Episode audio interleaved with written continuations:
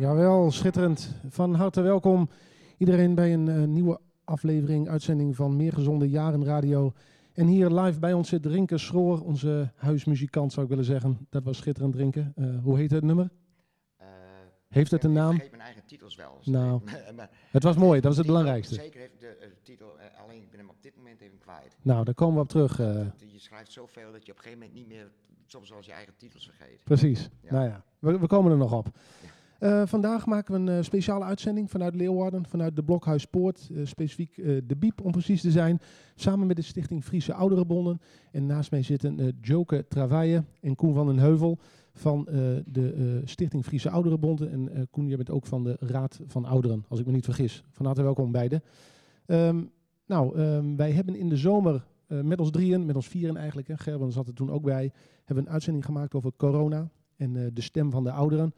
Volgens mij eh, was dat een eh, uitzending die ons allemaal wel goed is bevallen. En we dachten, goh, we zijn nu bijna een half jaar verder. Ehm, ja, misschien goed om het nog eens een keer met elkaar te hebben over dit onderwerp. Ehm, Joker, mag ik met jou beginnen? Hoe, hoe gaat het eh, intussen, een aantal maanden verder? Alles goed, gezond? geleden eh, getest op corona, maar dan was ik erg verkouden en hoesten. En op aanraden van de, van de assistenten van de dokter zei, laat me even testen. Nou, de test was negatief, dus positief voor mij. Gelukkig. Ehm, ja, verder, ja, het is niet veel veranderd in die zin. Het is nog rustig en ehm, de agenda is bijna leeg, eh, wat mij betreft. En eh, ja, de dingen die je graag doet, die ik graag doe, die, eh, die kunnen op dit mom- moment niet. Hè. Dus En zijn het soms een beetje om moedeloos van te worden. Oké, nou, Ja. daar kunnen we het vandaag uitgebreid over hebben. Over zingeving, moedeloosheid. En, en zijn dit drukke tijden voor de Stichting Friese Ouderenbonden? Of, eh, of juist niet? Nou, nor- normaal dan, dan eh, vergaderen we eh, één keer in de twee maanden. en daaruit vloeien weer een aantal zaken voort hè, die, we organiseren.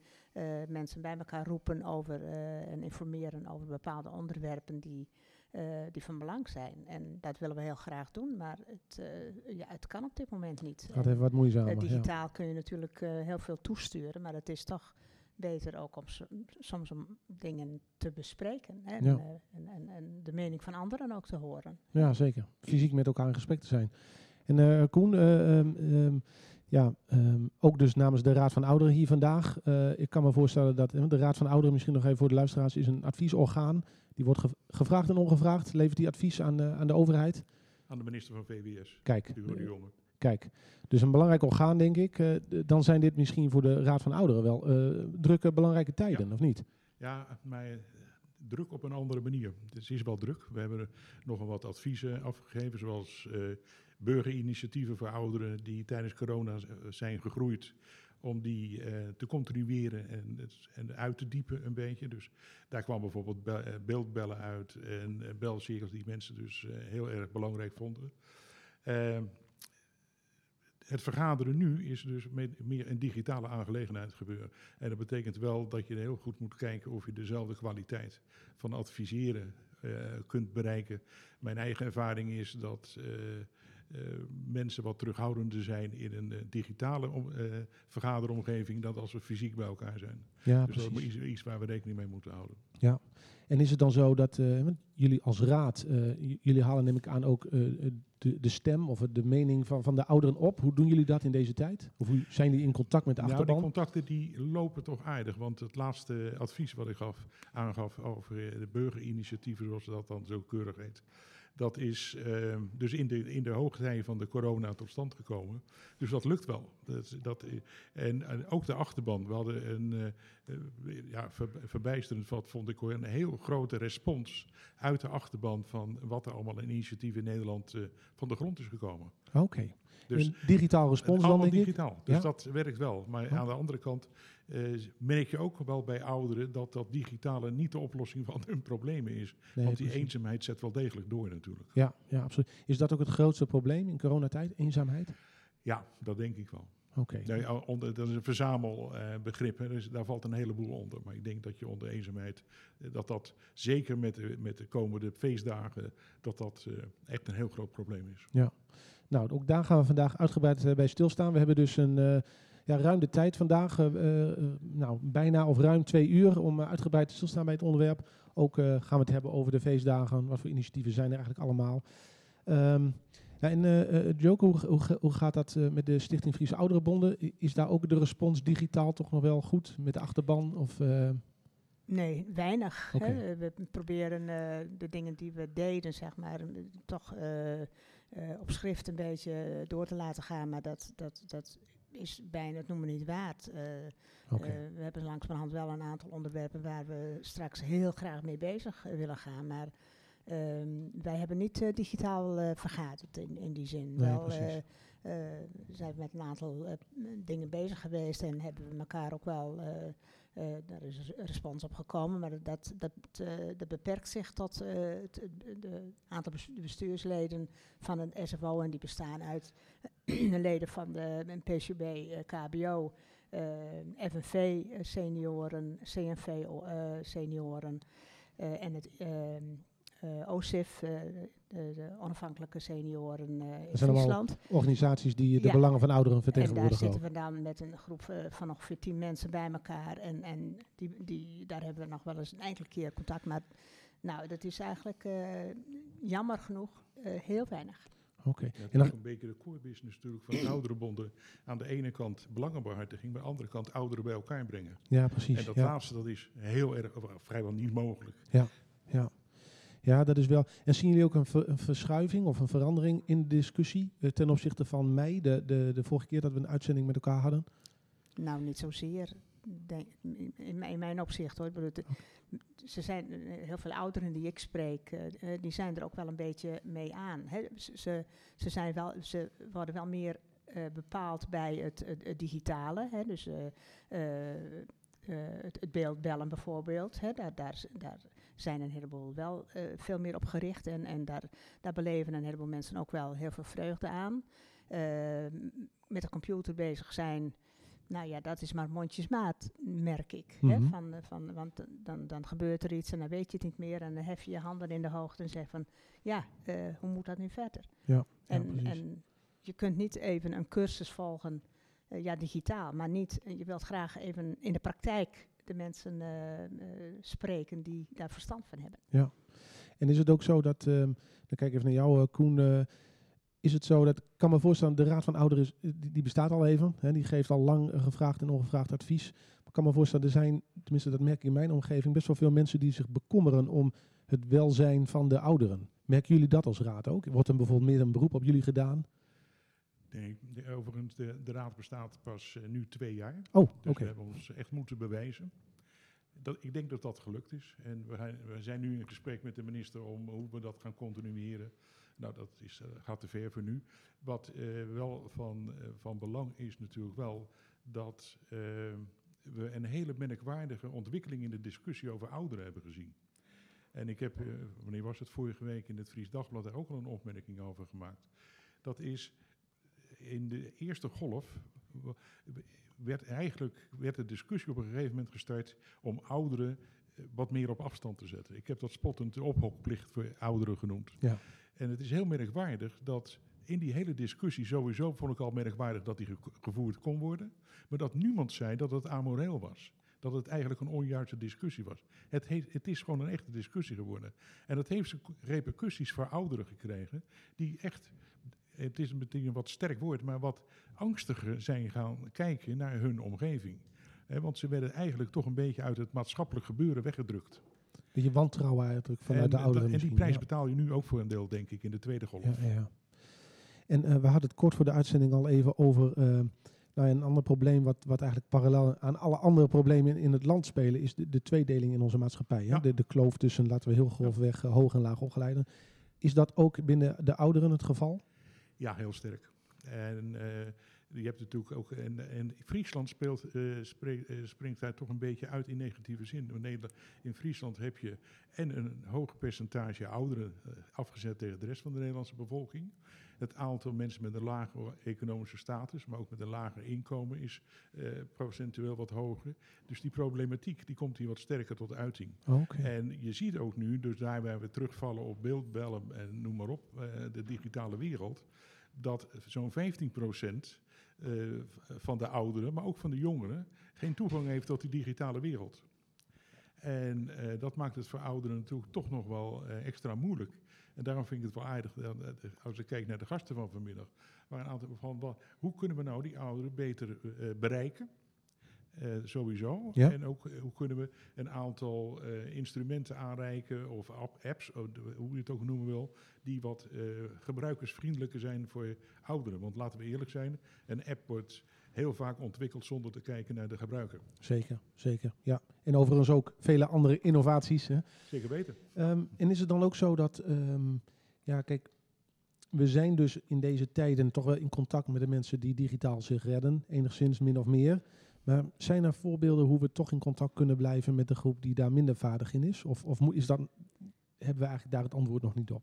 Nou, er is een, een groep eh, die, eh, ik noem dat altijd, niet, niet contactarm zijn. Dus die, die, die ontwikkelen zelf eh, wel initiatieven om dingen te gaan doen. Dat, in, in, moest net even denken aan eh Koens reactie aan eh, eh, Friesland is, is een uitzondering, een be- beetje uitzondering qua leeftijdsgroep en, en qua inko- inkomensgroep. Maar aan de andere kant wil ik toch ook even noemen ehm, het, dat de, de, de kleine kernen, de kleine dorpen, daar is toch wel veel meer heerst een geest van naar elkaar omzien.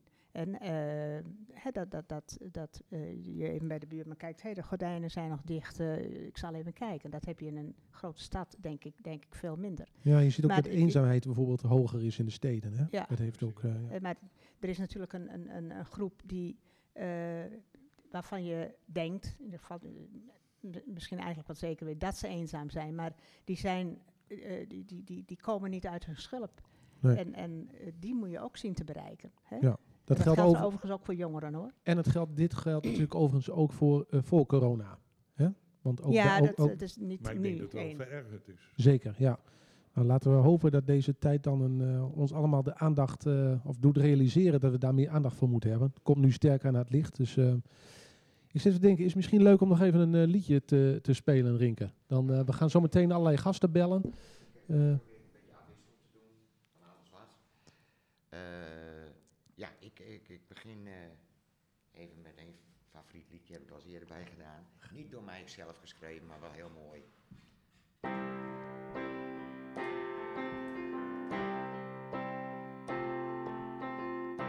Take the ribbon from your hair. Shake it loose and let it fall. Lay it soft against my skin. Like the shadows on the wall. Come and lay down by my side. Till the early morning light. All I'm taking is your time. Help me make it through the night. And I don't care who's right or wrong. And I don't try to understand. Let the devil take tomorrow. For tonight I need a friend. Yesterday is dead and gone. And tomorrow's out of sight. And it's bad to be alone. Help me make it through the night. And I don't care who's right or wrong. And I don't try to understand. Let the devil take tomorrow. For tonight I need a friend. Yesterday is dead and gone. And tomorrow's out of sight. and it's bad to be alone. Help me make it through the night.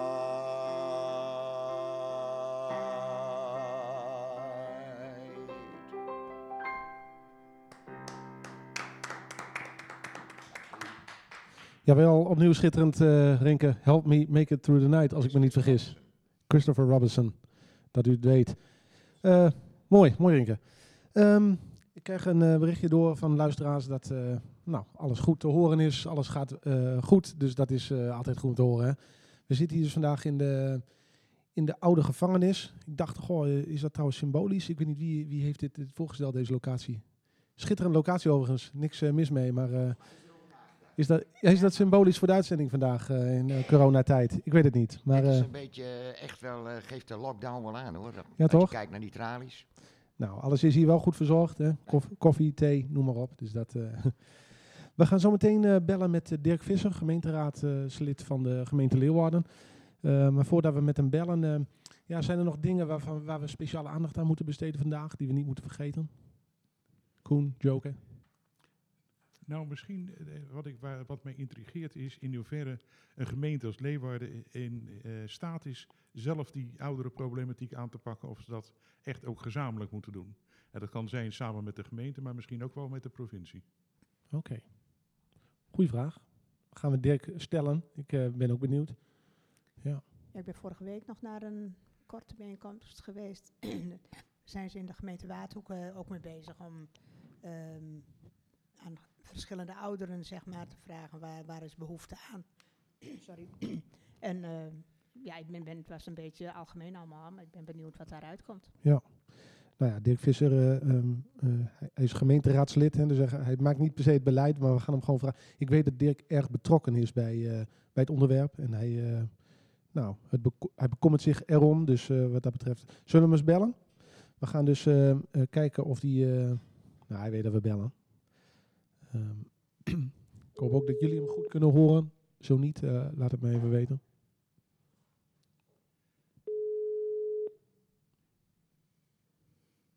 Dirk, Dag Dirk, eh, met Nick. Je zit live in de uitzending. Van harte welkom. dank je. Hallo. Ehm, ja, zoals al even aangekondigd, en wij maken vandaag samen met de Stichting Friese Ouderenbonden een, eh, een radio-uitzending over corona en eh, de stem of de, ja, de rol van de ouderen daarin.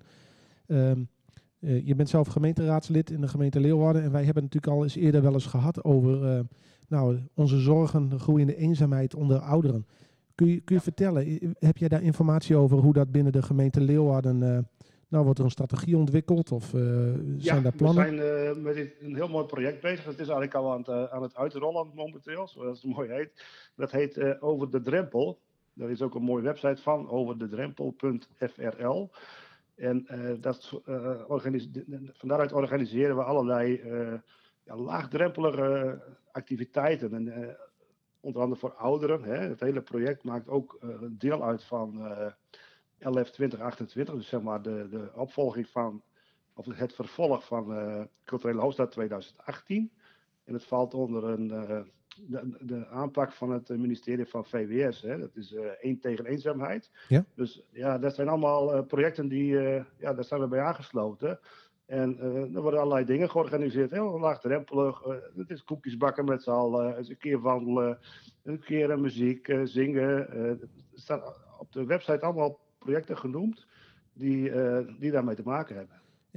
En hoe gaat dat nu in coronatijd? Want misschien is koekjes bakken wat lastig met anderhalf Ja, meter. Of, dat- eh, Dat is wat lastig, maar eh, er worden wel bijvoorbeeld wel eh, muziek gemaakt in eh, verzorgingstehuizen hè, op, op gepaste afstand. Dat kan dan nog wel. Maar ja, je blijft toch helaas die anderhalve meter problematiek houden. en nou weet ik, hè, want de, de gemeente Leeuwarden heeft een, een hoger percentage eenzaamheid dan het landelijk gemiddelde. Daarom is Leeuwarden geloof ik ook geselecteerd of die doen mee aan, aan verschillende programma's. Ja. Ehm, nou is, weet jij of het een groeiende zorg is binnen de politiek in Leeuwarden, dit onderwerp, ook, ook eh, natuurlijk eh, na corona straks? Ja, Eh, absoluut. Wij hebben het er constant over. Wij, wij, wij, wij zitten eigenlijk naar een manier te zoeken om, om ja, mensen toch te bereiken. Hè? En, ja, het, het is gewoon hartstikke moeilijk momenteel met die coronatoestand. Ja, ja zeker. Ja, ik zit hier trouwens met eh, Joke en Koen van de stichting Fries Ouderbon. Als jullie een vraag hebben, stel hem gerust hè, aan, aan Dirk. Ehm, Ja. Ja, kijk, ehm, ehm, ik denk normaal gesproken zijn bijvoorbeeld eh, eh, publieke centra of eh, bezoek eh, aan, ehm, aan, aan bijvoorbeeld verzorgingshuizen is natuurlijk een belangrijk contactmiddel voor veel ouderen. En we zien dat ook in bijvoorbeeld netwerks, het netwerkcentrum De Klomp in, rondom het Cambuurstadion, dat daar toch ook veel ouderen wel met de WMO-taxi bijvoorbeeld naartoe gebracht worden. Dat ligt nu natuurlijk stil. Ja. Nou ja, heb je, hebben jullie een idee hoe daar misschien door ouderen lange termijn, oh, ja, eh, wat voor effect dat zou kunnen hebben op, op ouderen, maar misschien ook wel op jeugd of op jongere mensen? Nou ja, het, het, geldt voor eigenlijk eh, voor de hele, hele breedte. Hè. Ik, eh, als ik naar mezelf kijk, ik begin er onderhand ook behoorlijk eh, last van te krijgen als ik heel eerlijk ben. Ja, ja. En je, je, ja, je, je, je- blijft het probleem houden van die, van die, van die afstand en, en de groepsvorming. hè. Die, die, dat is tegenwoordig, het gaat ook allemaal zo snel. 30 mensen geloof ik die bij elkaar mogen komen. En dan ook nog een gepaste afstand houden. Ja, dan vallen er ook alweer heel veel dingen af. En dat blijft, blijft een grote zorg. En wij hadden het ook eh, net hier in de, in de studio zeg maar, eh, over de, de kloof. Het is eh, grofweg gezegd de hoog en laag opgeleiden. Sommige mensen redden zich heel goed in deze tijden, digitaal of met hulp van een netwerk. Maar een, Ja. een deel van de maatschappij heeft er natuurlijk meer moeite mee. Heeft dat Ja. nog speciale aandacht binnen de gemeente Leeuwarden? Ja, daar zijn we wel naar aan het kijken. Hè. Ik bedoel, van, eh, als jij een mooi huis hebt en met een mooie tuin, dan heb je meer bewegingsvrijheid dan iemand die eh, op een flatje woont met een heel klein balkonnetje. Ja. En dat zijn, dat zijn best eh, hele grote zorgen. En hoe ga je dat oplossen? Dat is een grote vraag. Daar zijn we nu naar aan het kijken. Ja, ja, ja. Nou ja, kijk, we hebben ook met elkaar denk ik niet per se 1, 2, 3 een antwoord klaar. Maar ehm, Nee, we zijn ook met elkaar zoekende hoe blijven we in contact. En hoe zorgen we ook denk ik wel dat dit onderwerp niet, als straks corona achter de rug is, dat, het, eh, dat we het weer vergeten, het onderwerp. Hè. Het onderwerp Nee. komt volgens mij nu wat sterker aan het, aan het licht. Maar het, eh, het is natuurlijk een onderwerp wat al lang aanwezig is en speelt. Ja, ook eh, voor corona speelde dit al hoor. Daarvoor was dit hè, over de drempel, waar ik net noem, al, al opgetuigd. En dat, ja, het, het, het wordt nu dus heel belangrijk om daar ja, alle actie op te zetten. Is over de drempel overigens specifiek een, een initiatief voor ouderen of voor alle Leeuwarders? Nou, in principe gaat het voor alle Leeuwarders, maar de, hoofdgroep is wel, eh, wel de ouderen, zeg maar. Oké. En dan kun je op de site ook mooi kijken. Er staan wat eh, projecten op. Eh, misschien wel handig om eens even een linkje te delen. Dat, dat is hartstikke mooi. Ga ik zeker doen. Ik heb de website Ja. inmiddels voor me. Mooi, oké. En ik zie dat ook cultuur vaak wordt ingezet om ja, met name ook ouderen bij elkaar te brengen. Ja. Ik, stel dan even de Ja. vraag aan, aan Joke of Koen. Is dat een, een middel waarvan jullie denken, ja, dat, dat, dat, dat is geschikt? Daar, zit, daar zitten de ouderen op te wachten? Cultuur? Ja? Ja. En, maar het ligt eraan hoe je cultuur omschrijft. Hè? Want je moet natuurlijk ook wel... eh, taal is ook een deel van je cultuur. Ja. En eh, ik neem mezelf maar even als voorbeeld. Ehm, als ik in een eh, dement ga worden en ik word in een verpleeghuis opgenomen, dan kom ik in een Friestalige omgeving. En daar kan ik niet meer omgaan. Dat, dat, is, dat hoort ook bij cultuur en ook bij de vragen die je moet eh, beantwoorden. En ik heb de antwoorden ook niet eh, direct eh, voor ogen. Ik heb ook nog een andere vraag aan eh, Dirk, als ik hem bij zijn voornaam mag noemen. Ja, Ehm, tuurlijk. Ehm, dat is eh 15% houden we ongeveer aan, en dat is bij jeugd en bij ouderen, dat ze geen toegang hebben tot de digitale wereld. Dus heel moeilijk te bereiken, ook vanuit een gemeentelijke overheid. Hebben jullie plannen of ideeën hoe je dat deel van, eh, van de ouderen, daar beperk ik me dan maar even toe, hoe je die kunt bereiken? Ik heb de vraag heel slecht verstaan. En ik kun je het een beetje Ja, samenvatten? ik, eh, ik vat hem even samen. Dat heeft misschien... eh, eh, de, de vraag van Koen was, eh, dus ongeveer 15% van de mensen in onze maatschappij heeft moeite eh, met digitale eh, tools Nou, of, helemaal geen toegang. of helemaal geen toegang. Eh, hoe heeft de gemeente een strategie of een, of een eh, ja, methode of een, een plan bedacht om met die, dat deel van de maatschappij in contact te blijven? Ja, dan hebben we, dat valt bij ons onder uh, laaggeletterdheid. Dat klinkt een beetje raar, Ja. maar uh, dat, dat, het is uh, niet alleen heel laaggeletterdheid wordt vaak gedacht, ja, men kan niet lezen of schrijven. Maar laaggeletterdheid, dat, dat, dat, houdt ook in dat men niet, wat er net gezegd wordt, geen tools heeft om online te gaan of, of, of überhaupt een mailtje kan sturen of dat soort dingen. En daar zitten wij volop op in, in de gemeente momenteel. Oké. Okay.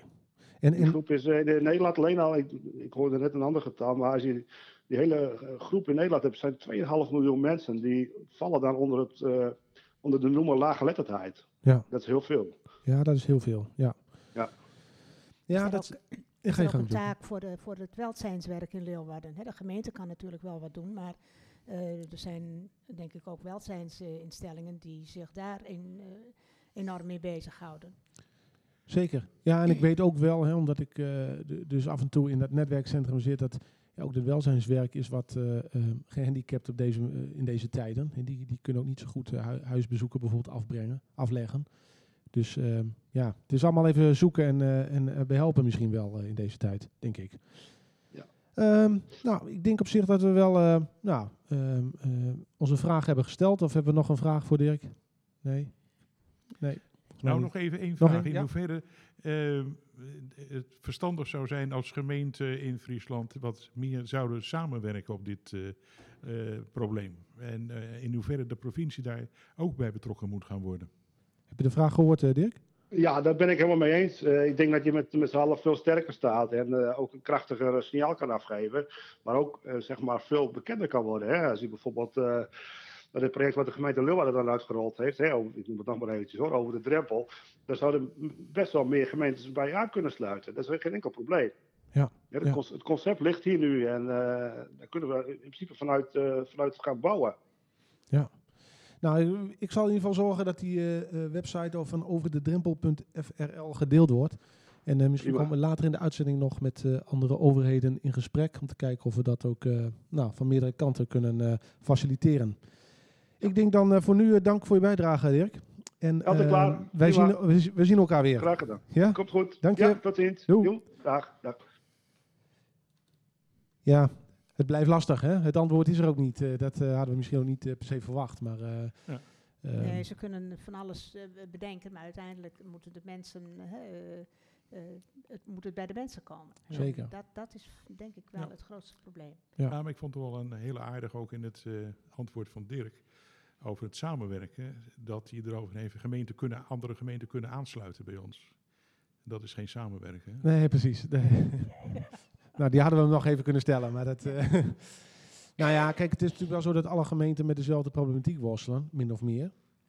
En dus daarin, eh, eh, op zijn minst, kunnen gemeenten van elkaar leren. Maar het, het belangrijke nog, eh, met elkaar optrekken. Ja. Want uiteindelijk komt het erop aan wat gemeenten doen in hun eigen plaats. Hè. Mensen in, in, in Franeker die hebben niet zoveel aan activiteiten of, of, of, of eh, dingen die ontwikkeld worden in Leeuwarden. dat niet, maar het is natuurlijk wel zo als iemand in Leeuwarden woont en die heeft familie in Franeker. En die familie in Franeker kan niet met digitale eh, Nee, toepassingen werken. eh, Hmm. dan moet Ja. de gemeente Franeker wellicht eh, hulp bieden. Ja. En eh, ik weet dat de, de, de BIEB, die, eh, eh, de bibliotheek in Leeuwarden, heeft in ieder geval die taken. Ja. Basisvaardigheden en daar vallen digitale Ja, maar vaardigheden ik neem het beeldbellen maar even als voorbeeld. Hè. Dus daar wordt heel, heel veel gebruik van gemaakt, maar eigenlijk zijn de instrumenten heel beperkt. Want wat we heel vaak doen is vergaderen met Zoom en met Teams en noem maar op. Maar ouderen willen graag één op één met elkaar communiceren. En ga dan eens kijken hoeveel apps er dan nog overblijven. Dat is niet zoveel. Nee, precies. dan heb ja. je FaceTime, dan moet je eh, lid zijn van de club van Apple. En eh, Skype heb je dan. En dan houdt het eigenlijk een beetje op. En het zou heel goed zijn als de gemeente in Friesland samen nou eens om de tafel gaan zitten. Kunnen we gezamenlijk nou iets voor die ouderen ontwikkelen op dat terrein? Dat zou vanuit Zo de overheid is mogelijk... technische eh, vraag niet hoor. Maar, ze, maar je moet wel voldoende gebruikers hebben. En als je dat over, over de provincie Friesland kan doen met inachtneming van gebruik van de Friese taal. Ik, denk dat je dan heel wat winst kunt boeken. En met een goede gebruiksaanwijzing. Zonder meer. Nou ja, het, moet alleen, het kan alleen ontwikkeld worden als je dus eh, gebruikers erbij betrekt van het allereerste begin van het bouwen van de app. En betekent dat dan dat naar jullie, of naar jouw mening, eh, de huidige, het huidige aanbod FaceTime bellen, WhatsApp bellen eh, onvo- onvoldoende is? Ja, Oké, Vind ik wel. Nou ja, dat is een... Ook technisch. Ik weet toevallig van Microsoft dat ze mensen hebben rondlopen die eh, alleen maar willen kijken hoe ze het voor eh, mensen met beperkingen beter eh, toegankelijk kunnen maken. Nou, dat principe zou je dus wat breder ook zelf kunnen oppakken. Ja, oké. En hebben jullie zelf gedachten? Hè? We stellen net de vraag aan een gemeenteraadslid. Hè? Wat zou een gemeente kunnen doen? En, stel nou dat jullie in de gemeenteraad zouden zitten of beleid maken. Wa- Wat zijn gedachtenrichtingen waar we na- naartoe zouden kunnen gaan? Nou, de eerste vraag is denk ik voor een gemeente. Ik ben in de Heerenveen in bij de discussie betrokken geweest van al het allereerste begin. Dat is van hoe bereik ik nou die doelgroep? Want het is heel makkelijk om te roepen, ze moeten dit en ze moeten dat. Wat willen ze nou zelf eigenlijk? Ga daar eerst nou eens achteraan. Als 90% zit, zegt van, waar maakt u zich druk over? Want eh, ik voel me niet eenzaam en het gaat best met mij. Dan ben je natuurlijk wel een beetje raar bezig. Nou, dat antwoord zul je niet krijgen. Maar je zult wel heel duidelijk moeten luisteren naar ouderen van wat ze zelf willen. En eh, we weten uit eenzaamheid, eh, de discussie en ook alle onderzoeken, een klein netwerk helpt al een heleboel bij mensen die eenzaam zijn. En dat kleine netwerk bouwen, dat kan nou net de stap zijn die, waarin de gemeente kan helpen. En daar moeten ze dan, eh, ja, dus zoals wel de portemonnee voor moeten trekken. En dat is Ik dus- zit even te denken aan eh, een aantal jaren geleden eh, waren er in, ik woon dan in Franeker, ehm, waren er ouden, ouderenadviseurs. Hè, die, die hebben een aantal jaren, die bezochten alle mensen eh, van 75 jaar en plu- eh, plus en ouder. Daaruit konden ze eh, dingen eh, distilleren van waar behoefte aan was. Dat is op een gegeven moment, ik heb het niet helemaal, eh, helemaal helder op dit moment, maar dat, dat, dat is opgehouden. Ik bedoel, ik denk dat zoiets een hele goede zaak zou zijn. Ja. Van één op één bij, bij, bij mensen die dat willen, want niet iedereen wil dat, natuurlijk, maar om zo erachter te komen wat er leeft bij, bij, bij senioren. En we hebben nu volgens mij in mijn beleving vooral over een groep die dus nog zelfstandig thuis woont. Ik kan me van de vorige uitzending herinneren dat we het vooral ook hebben gehad over, eh, nou ja, wil je je familielid nog wel naar een verzorgingstehuis sturen in deze tijd, met de kans dat je dus geen contact meer kunt hebben? Zou het misschien wel een voordeel kunnen zijn als iemand in een verzorgingstehuis zit, dat daar vanuit de service geboden wordt hulp bij digitale vaardigheden? Of is dat Ja, ik, ik- ja oké. Ik denk dat, dat we, eh, eh, als je heel goed kijkt naar dat lang, eh, het lange thuiswonen, wat je ziet is, we, we laten mensen zo lang thuis wonen dat dat eigenlijk niet meer verantwoord is. En dan zijn ze nog net te goed om het verpleeghuis in te komen. Dus ze vallen voortdurend tussen wal en schip. Die groep wordt ook steeds groter. Dus je zult dus voor een tussenvoorziening moeten gaan zorgen. En dat, noem je, dat kun je dan eh, gemakshalve verzorgingshuis nieuwe stijl noemen. ja, ja. En je zult naar andere financieringstromen moeten. Ik vind het onzin dat eh, de zorgaanbieder, hè, heel vaak het verpleeghuis, tevens vastgoedbeheerder is. Dat zijn gewoon strijdige belangen heel vaak. Dat Ja. moet je echt uit elkaar gaan trekken. En dat je dus gaat zorgen dat er dus eh, woonvoorzieningen komen, aan analogie van normale woningen, waar een verzorgingshuis achtige situatie kan ontstaan. Dus met gemeenschappelijke voorzieningen, dicht bij algemene voorzieningen. En dan kun je misschien toch eh, die, dat gat wat opvullen. het is onzin om te denken dat mensen, zoals dat nu is, zo lang verantwoord thuis kunnen blijven wonen. Ja. Het is natuurlijk een beetje raar dat kinderen achter hun eh, ouders aan moeten rennen, omdat ze geen ge- gas meer mogen gebruiken, omdat ze het gas aan laten staan. Maar dan kom je vaak veel te laat achter dat dat gebeurt. Ja, Dan zijn er al slachtoffers gevallen als je niet uitkijkt. Ja. Met andere woorden, eh, we hebben ook in die voorziening van ouderen, wat dat betreft, qua wonen, maar ook met wat, er- wat er omheen komt aan zorg, dat hebben we eigenlijk een beetje op zijn beloop gelaten. En Ik- veel te veel gedacht dat we met efficiëntie ook ouderen konden helpen. Nou, Ik denk dat op meerdere eh, niveaus die efficiency die, Ja. waar we zo goed in Ja. zijn nu aan het licht Ja, komen. Hè? De- en dan de- komt er een, een, een nieuw sprookje over de markt, dat digitale hulpmiddelen dan eh, een aantal van die problemen zouden kunnen oplossen. Nou, dat vind ik echt grote onzin. Oké. Het gaat om mensen. Ja, had dus, even eh, een kleine aanvulling. hè. Ik bedoel, dat, dat, dat, er worden wel hier en daar van, van die eh, eh, voorzieningen ontwikkeld. Hè, van van eh, mooie woonvoorzieningen. Voor, voor, eh, maar eh, mijn eh, vrees is altijd, dat is weer behouden aan mensen met... eh, die al eh, een, een huis hebben, die iets, iets verkopen, die, die genoeg hebben om, om, om daar weer eh, een ho- hoge huur voor te betalen dat hebben een heleboel mensen niet. Dus die blijven zitten waar ze zitten. Maar dat Ja. is veilig en dat is goedkoop. En, en eh, Ja, nou, is daar moet eh, meer oog voor eh, komen, vind ik. Ja, nee, dat is terecht dat je daarop wijst. En ik vind ook hoor dat als je dus eh, nieuwe verzorging, verzorgingshuizen, nieuwe stijl, dat je daar dus eh, eh, wooneenheden in moet bouwen, gefinancierd door de woningbouwvereniging, woningcoöperatie. En dan hebben we het over sociale woningbouw met behapbare huren. Ja, en dan mag je precies. daarnaast ook wel vrije sector neerzetten om de kosten te dekken. Maakt me niet uit, maar je zult altijd aandacht moeten houden voor die relatief grote groep die eh, ook qua inkomen op achterstand staan. Ja, want die kan, die, kan, die kan sowieso vaak minder voor zichzelf opkomen dan mensen met een wat, wat, wat dikkere beurs. Hè? En nou is het zo, hè, want eh, dit is dus een duidelijk probleem, hè, die, die tweedeling ook weer. Ehm, ik las in een eh, rapport van de eh, Raad van Ouderen, eh, dat gaat over zingeving. En zingeving en eenzaamheid zou wel eens heel goed met elkaar te maken kunnen hebben.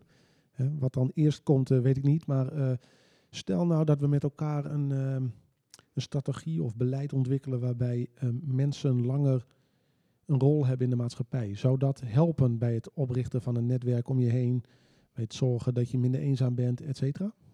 Ja. Ja. Dat is natuurlijk wel een eh, punt wat je aansnijdt.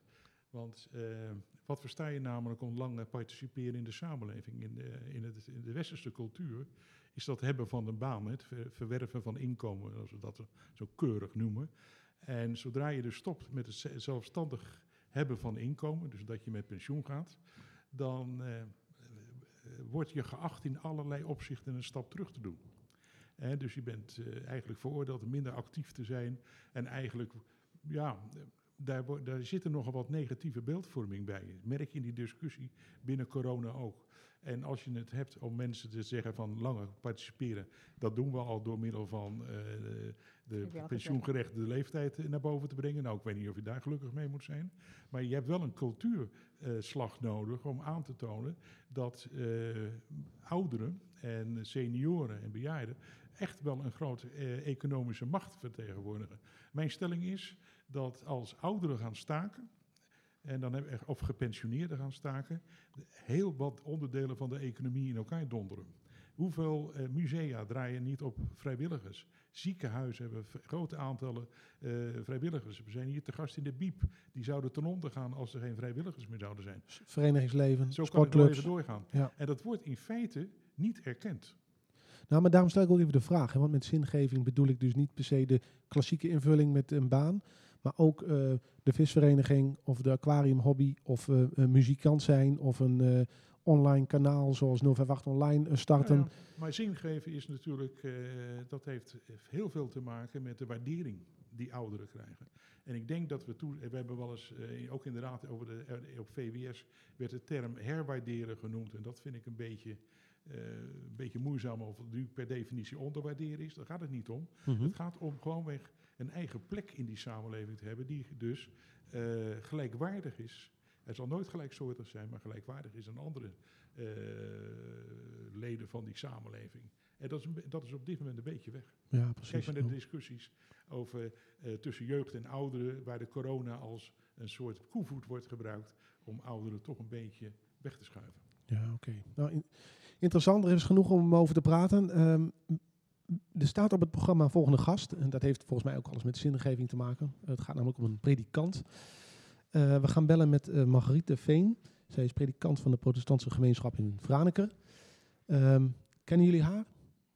Ja, ik eh, ben zeer betrokken bij de, bij de PKN in Franeker. En zij is een van de twee predikanten die in Franeker eh, bij ons nou ja, werkzaam zijn. En ehm, ja, we gaan natuurlijk zelf vragen hoe dat zit in de gemeenschap met eenzaamheid. En welke rol een kerk of geloof daarbij kan hebben. Daar zijn ze zeker heel erg mee bezig. Alleen, nou ja, voor hun is het ook de vraag van, van hè, wat kunnen we doen? En eh, eh, nou ja, de, het persoonlijke is natuurlijk altijd, eh, dat kan altijd, maar wat ze anders gewend waren, hè, met, met, met gespreksgroepen, hè, met bijeenkomsten hè, in, de, in de kerk, hè, dat, dat wordt zo gemist. Ja. Ja. Ja, was het nou zo? Ja, ik ben misschien wat slecht geïnformeerd op dit onderwerp. Maar de kerken mogen nog wel open, toch? Eh, met, met, Ja, Ja, met 30 Ja, die mensen. zijn uitgezonderd van de... Ja. ja, precies. eh, Met 30 mensen mogen, mogen ze erin. Oké. ook uitgezonderd van de eh, mondkapjes. Ah, oké. Oké. Nou, eh, als een van jullie daar een vraag over heeft, eh, hou je niet in, zou ik zeggen. Nee, ik, als je het maar stil doet. Ik hou zelf ook erg van zingen en ik, ik, ik heb het voorrecht zo nu en dan in een kerk, zeg maar met een klein groepje, met vier mensen, zeg maar gewoon eh, een- een- een- de liederen te zingen die op de liturgie staan. En eh, dat is op zich heel mooi om te doen, maar het, ja. Ja. het, het- zingen, zo hoort het niet. zingen is uiteindelijk in de basis zeer gezond. Oh, zeker. Maar nu door die corona is ja, het opeens ja. ongezond. Nou. We leven in een rare wereld. Oh, zeker. Maar, Ja. ja, daar kunnen we het morgen weer over hebben, Rinke. Want Ja. morgen hebben wij natuurlijk ook weer een eh, uitzending. Hè, want misschien nog even voor de luisteraars. Wij maken dus elke week een radio-uitzending vanuit Leeuwarden. Op donderdag om 1 uur met drinken en met Getty van de Biep. Dus eh, precies, precies. Nou, wij gaan dus bellen met eh eh, Margriete. Ik hoop dat ik het goed zeg. Margriete Veen. Ze weet dat we bellen, als het goed is.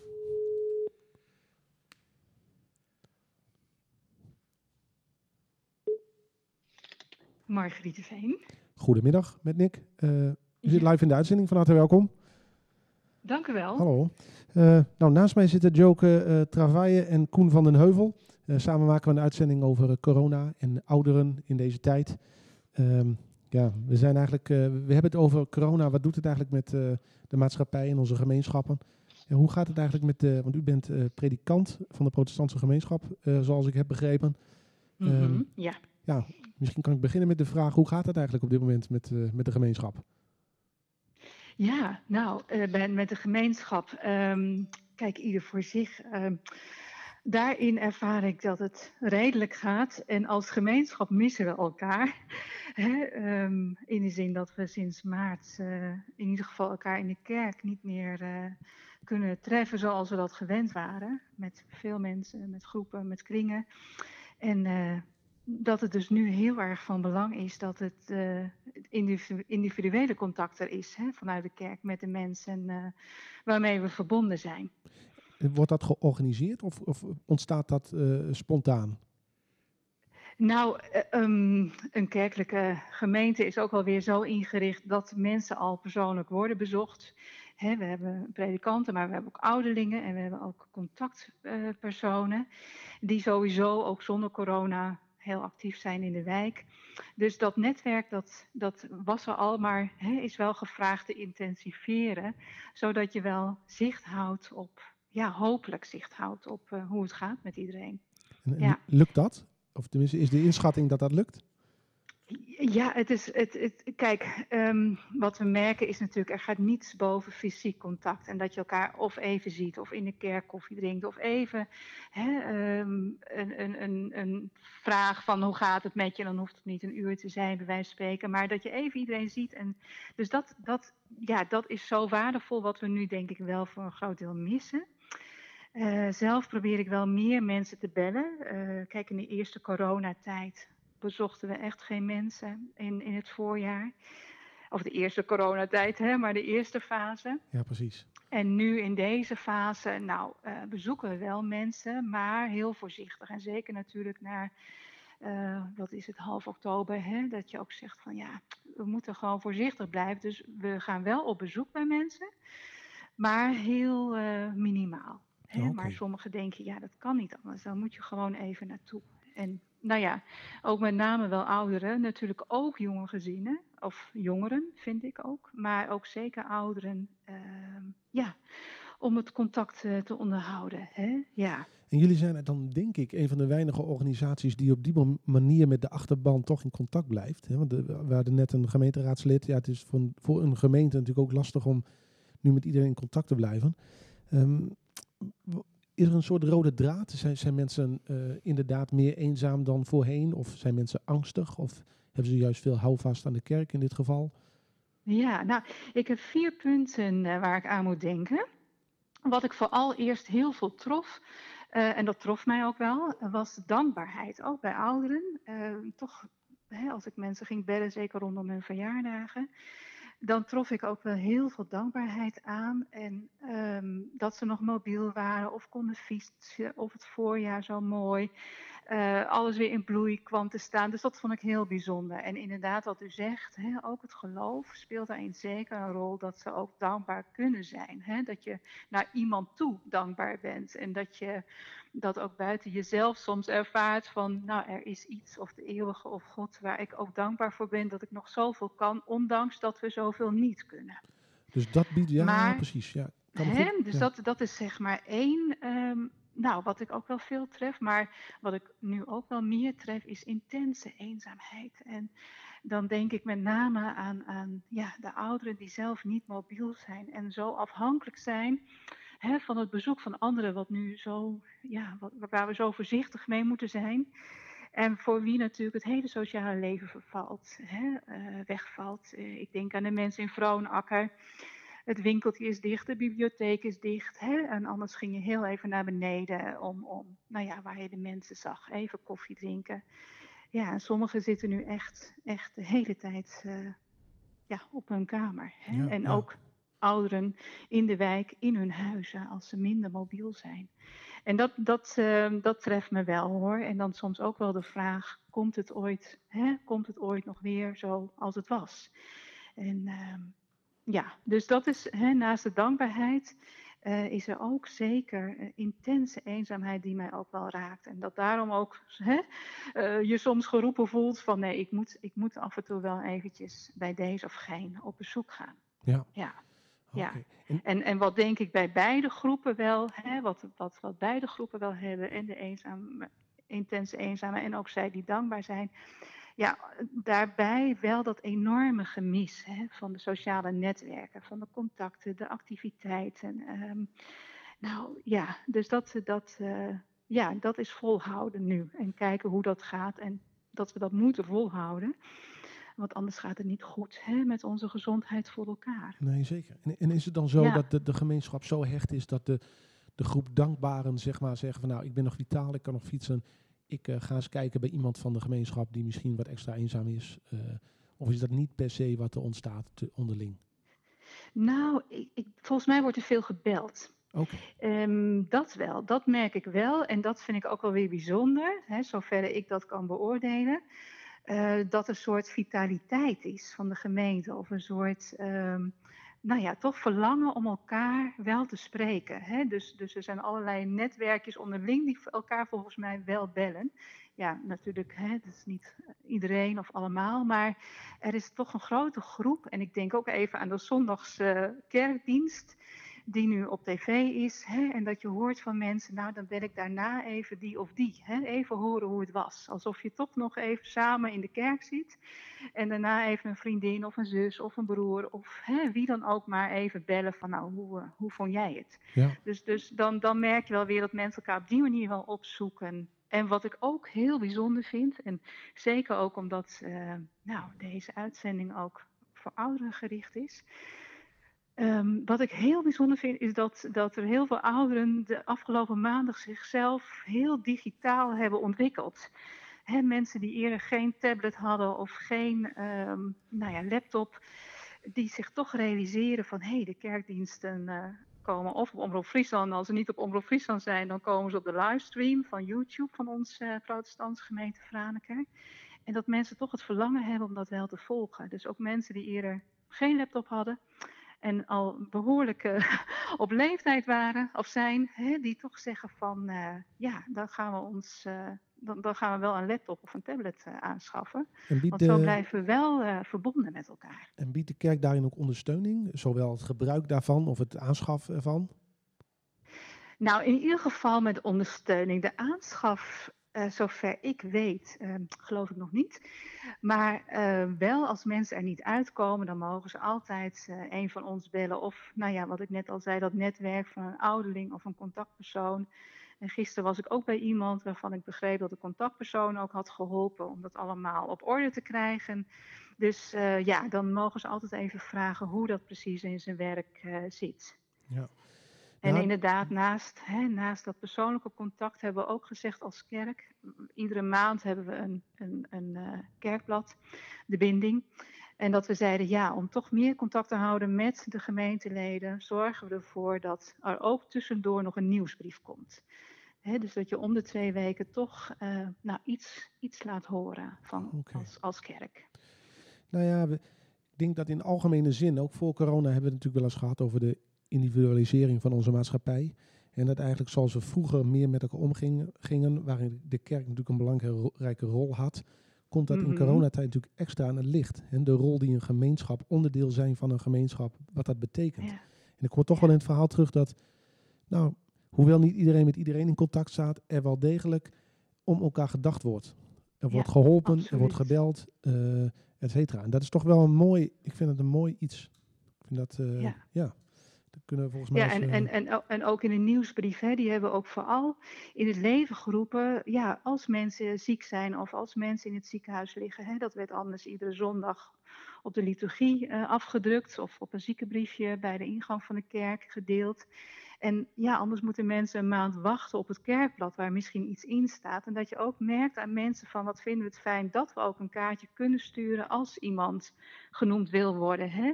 En, en, en daar eh, op de nieuwsbrief staat of in het kerkblad. En eh, nou, zo wordt er volgens mij ook enorm veel aan elkaar gedacht. ja. Ja, Nou, ja. goed om te horen. Leuk om even te Ja. horen eh, vanuit de protestantse gemeente, gemeente hoe dat dan gaat.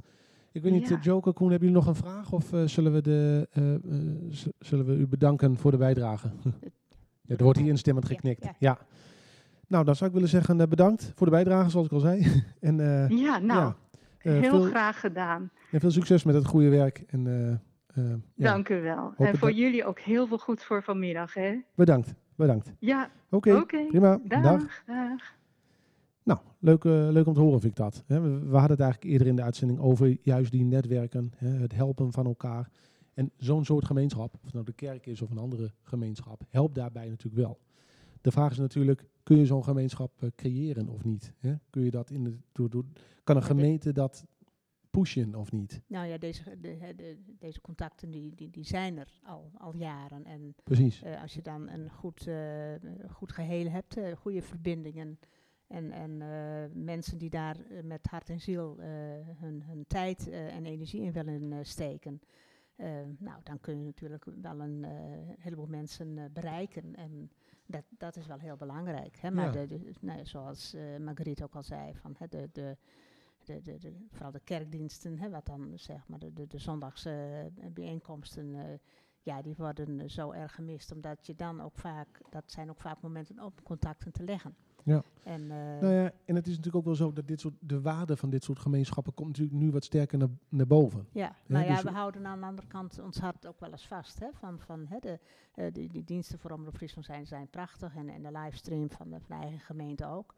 Eh, ja, kun je lekker thuis zitten met een kopje koffie. Zeg van hoe, hoe, hoe, komt, hoe komt dat straks? Hè? Van, Ja. van, de, de, de motivatie moet ook blijven om, om, om die gemeenschap te treffen. En nou, ik heb er zelf niet zoveel. eh, eh, eh, Skepsis over. Nee, ik, Nee. ik, ik, eh, ik hou ervan, dus ik zal weer komen. Hè? Ja. Maar eh, nou, er wordt ook wel wat eh, Ja, oké. anders Ja. over gedacht soms. Ehm, even kijken, ik denk dat we naar onze volgende gast, of wil je nog iets zeggen, eh? Wat zeg je? Wou je nog iets zeggen? Vul gerust aan. Eh, want wij hebben op het programma staan Jeannette Dijkema. Zij is oudere, staat hier op mijn eh, briefje. Ja, Eh. zij is, is betrokken bij de PCOB KBO, of vanuit de PCOB, Wat is ook alweer de PCOB? de Protestants-Christelijke Ouderenbond en de Katholieke Bond voor Ouderen. Die zijn bezig om wat meer samen te werken. ah, eh, al een aantal jaren. En ehm, eh, zij is al heel lang betrokken zelf, ook jaren voorzitter geweest van de afdeling Leeuwarden van de PCOB. Eh, en eh, op dit moment eh, is er in Friesland zijn er vier regio-coördinatoren vanuit die organisatie die contacten houden met de afdelingen hè, van, van de PCOB. Zijn er, waren er altijd een stuk of 35 eh, afdelingen, daar houden zij contacten mee. En, en nou, via haar worden ook dingen verstuurd. En, en ja, Janet is ook altijd een hele bezige bij geweest. Spinnen in het web, Grote waarde voor Ja. de PCOB. Nou, eh, ik stel voor dat wij even gaan bellen. Dus kijken eh, eh, nou, hoe zij de coronatijd beleeft. Ehm, of zij dingen ziet in de maatschappij, veranderen of niet. Jeanette Dijkema. Goedemiddag, u spreekt met Nick Kramer. U zit live in de radio-uitzending. Van harte welkom. Fijn. Hallo. Ehm, ja, ik hoor mijzelf op de achtergrond. Als ik me niet vergis, heeft u de radio aan. Dat is goed nieuws, maar misschien voor... Ik heb geen, nee, ik heb geen radio. Oh, nou dan vergis ik mij. Neem me niet kwalijk. Ehm, ja, wij maken dus vandaag een uh, radio-uitzending met de Stichting Friese Ouderenbonden over corona en ouderen Ja. en eh, misschien wel eenzaamheid. Ehm, nou, mag ik u vragen, hoe, gaat het met u? Eh, met mij persoonlijk gaat het heel goed. Gelukkig gezond en mijn man ook. Eh, wij bellen elke dag eigenlijk een aantal ouderen op Ah. vanuit de PCOB om te kijken hoe het met hun gaat. Kijk, dus daar is, eh, we hadden net een gesprek met eh, de predikant van de protestantse gemeente in Franeker. Die zei, Ja. nou ja, dat gebeurt ook wel een beetje spontaan. Eh, na een dienst worden mensen gebeld, maar via de PCOB worden dus ook afspraken gemaakt wie wie belt. Wij proberen, als het even mogelijk is, alle mensen te bellen. En dat zijn er 370, dus er zijn er een heleboel. zo. Nou, nu hebben we het als bestuur een beetje verdeeld. Dus eh, een paar mensen hebben op zich genomen om eigenlijk eh, per dag gewoon een eh, aantal mensen te bellen en te vragen hoe het gaat. En dat zijn op zich hele mooie gesprekken. ja, we, we- Want eh, je merkt nou, ja, vooral de ouderen die alleen zijn, die hebben het best wel moeilijk.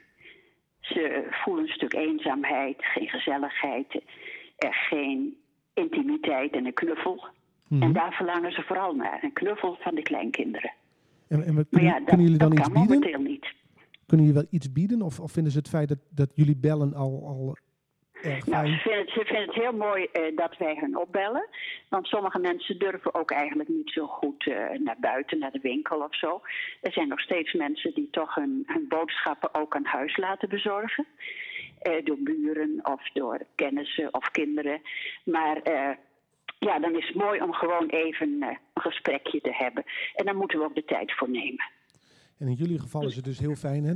Er is dus meer eenzaamheid, eh, begrijp ik. En in jullie geval wordt er dus gebeld. Maar er zijn natuurlijk ook heel Ja. veel mensen die niet Nou, dat is onderdeel eigenlijk zijn. ook een beetje, een beetje het enige wat je eigenlijk op dit moment kunt doen. Want je hebt geen bijeenkomsten. Anders hebben we altijd iedere maand een, eh, een ledenvergadering in de Curioskerk. En daar komen meestal zo'n 80 tot 100 mensen. Nou, dan zien ze elkaar, ze drinken gezellig een kopje koffie, praten met elkaar. En we hebben wat sprekers eh, over allerlei eh, interessante onderwerpen. Maar ja, dat staat nu al stil Ja. sinds eind februari. En eh, vandaar dat we gezegd hebben, laten we ze opbellen. Oké, nou, En we hebben afgesproken tegen, nu onlangs het nieuwe blad weer verschenen is, KBO PCOB Magazine, hebben wij als bestuur 370 eh, grote stukken chocola gekocht. kijk. Die hebben, al, hebben we allemaal ingepakt in Sinterklaaspapier. En de secretaris heeft er een mooi gedicht bij gedaan. Eh, en daarnaast eh, heeft de penningmeester een mooie kerstkaart ontworpen. Het is geen verrassing meer nu, hè? Wat zegt u? Het is nu geen verrassing meer, hè? ja, ze hebben hem inmiddels. Ze hebben hem allemaal Oh, gisteren gekregen. Ja, ja, hij is binnen. Dus we hebben al verschillende leuke reacties ook gehad van mensen die zeggen... oh, dat is toch leuk en lekker. Nou ja, dat is even een kleine verrassing. Want Ja. ja, je kunt ze verder eigenlijk eh, niks bieden.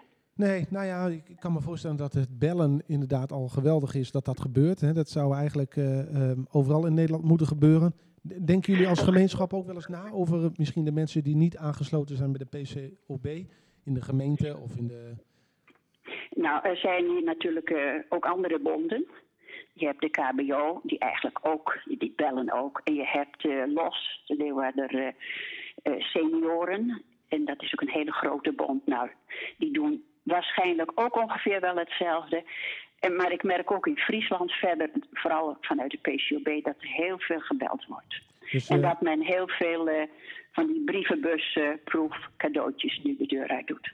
Dus het loont eigenlijk wel om eh, tegenwoordig onderdeel van een gemeenschap te zijn. Meer dan anders. Dat bedoel ik niet eh, Zeker, sarcastisch. zeker, ja, ja. Ja. Heel veel mensen die bij de PCOB zijn, zijn ook, ook lid van de kerk. Dus ook vanuit de kerken hebben ze wel dat er naar hen omgekeken wordt. Maar wij zien het als PCOB ook een van onze taken. En we hebben ook speciaal een afdeling of een commissie lief en leed. Die ervoor zorgt dat eh, mensen op hun verjaardag een kaartje krijgen. En bij jubilea een bosje bloemen of zo. Dus er wordt gelukkig wel om hen gedacht. Maar ja, er zullen altijd mensen zijn die je niet bereikt. En dat is jammer. Zeker, zeker, ja. Ja. Nou, ik vind het erg leuk om te horen eh, dat dat eh, plaatsvindt. Ehm, hebben jullie daar, Koen of Joker, nog een vraag over, een opmerking? Koen? Wilt u nog even zeggen, want ik hoor u nu ook niet zo goed. Het klinkt ook een beetje hoog. Oh, nou, eh, Ja. ik geloof dat eh, eh, Koen van den Heuvel gaat even een vraag stellen. Dus eh, we gaan Ja. even luisteren naar zijn vraag. dag Jeannette. Ehm, Ja, Hi. Ehm, een vraagje. Ehm, jullie hebben 370 leden. En Ja. eh, voor de coronatijd eh regelmatig sprekers. Dat weet ik. Ik, ik ben er ook wel eens bij geweest. Eh, wat Ja. ik mij nu afvraag is, overwegen jullie nou om eh, een spreker digitaal een presentatie te laten bezorgen voor alle leden, die 370? Eh, nou, digitaal is een beetje moeilijk, Nee. want eh, heel veel leden zijn 80-plussers. En die zijn lang niet allemaal digitaal. Dus daarom, eh, Nee, ja, we hebben zoveel mogelijk de mensen die e-mail en dergelijke hebben, houden we ook via e-mail nieuwsbrieven op de hoogte. Maar om nou echt helemaal digitaal te gaan met eh, eh, van die tv-uitzendingjes waar iedereen eh, in mee zit te kijken en mee zit te praten, dat is een beetje lastig. Want dan bereik je maar een klein gedeelte. Nou ja, oké. Als je van de 370 200 bijvoorbeeld bereikt. Maar het gaat mij een beetje om het principe om het te doen. En met name ook omdat er natuurlijk een financieel eh, eh, prijskaartje aan hand. In hoeverre je dan weer naar die gemeente kan om te zeggen van help ons dat organiseren. En dat helpen betekent ook een beetje technische eh, voorzieningen voor, eh, voor, voor de PCOB treffen. Nou, ook deze, het spijt me wel, maar deze vraag is ook een beetje moeilijk te horen. Ik merk eruit op dat, dat, dat u wel wilt proberen om zoveel mogelijk toch digitaal ook de mensen te bereiken. En eh, wij ja, enthousiasmeren dat wel. En proberen ook mensen daarmee toch wat vaardig te worden. Dat men ja, op die manier veel meer contacten kan leggen dan eh, nu gebruikelijk is. Maar ja, je merkt wel, eh, een hoop mensen zien daar toch nog tegenop. Oké. Ze hebben liever een telefoontje dan eh, dat het digitaal moet. Oké, Ja, ik, denk dat ik dat eens ben met Jeannette. Het is eh, eh, eh, een, een brug te ver nog voor, voor, eh, voor heel veel senioren om digitaal zeg maar samen te komen. Hè? Ik, bedoel, ik heb het nou net een eh, klein beetje onder de knie, maar het, het, het is elke keer weer... eh, weer eh, Ook, de- ook deze vraag hoor ik weer niet goed. Ja, ik denk niet. dat het van Joke Travaille Ja. komt. Klopt. ik, eh, je- onderschrijft, maar, Joke maar het onderschrijft heel onduidelijk Oké. en ik, ik kan jou niet verstaan. Nou, Joke onderschrijft uw verhaal dat, eh, dat het voor ouderen eh, ingewikkeld is om eh, elkaar te ontmoeten online. Eh, Ja. Hoewel het natuurlijk ook in sommige gevallen een soort eh, nou ja, kans biedt om in deze tijd. eh, hè, de digitale ontwikkeling gaat eh, sneller Ja. dan ooit. En eh, we zien Ja. ook dat mensen sneller Nou aanhaken. ja, als de vorige spreker als predikant aangeeft dat, ze, dat de kerkdienst gestreamd wordt, Exact. Ja, precies hetzelfde. dat is Ik merk, aan, ik merk aan onze groep mensen dat ze de kerkdiensten veelal volgen via Omroep Friesland. Oké. Ja. En dan stemmen ze af eh zondagsmorgens op de PKN in Franeker. En dat vinden ze prachtig. Oké. Ja, Ehm, nou, erg leuk om te horen. Eh, ik denk, eh, dank voor uw bijdrage. Ehm, leuk om te horen dus dat vanuit de gemeenschap vooral veel gebeld wordt. En dat wordt erg gewaardeerd. Dat is een beetje wat ik eh, vooral... dat is het meeste, ja, hoor. Ja, en dat is erg belangrijk. En we proberen gewoon eh, zoveel mogelijk, ook als het straks mogelijk is, aan te sluiten bij al het nieuwe in de digitale wereld. Helder, staat genoteerd. Een beetje bij proberen te blijven. Zo is het. Oké, nou dank u wel voor uw bijdrage. En ja, blijf gezond, zou ik willen zeggen. Hm. Oké, u ook hoor. Dank Dank, u. u wel. Dag. Dag. Ja, dan, eh, ja, god, dat, dat is natuurlijk altijd een eh, interessante vraag. Maar in ieder geval, wat ik er wel uit opmerk, is dat onderdeel zijn van zo'n soort gemeenschap.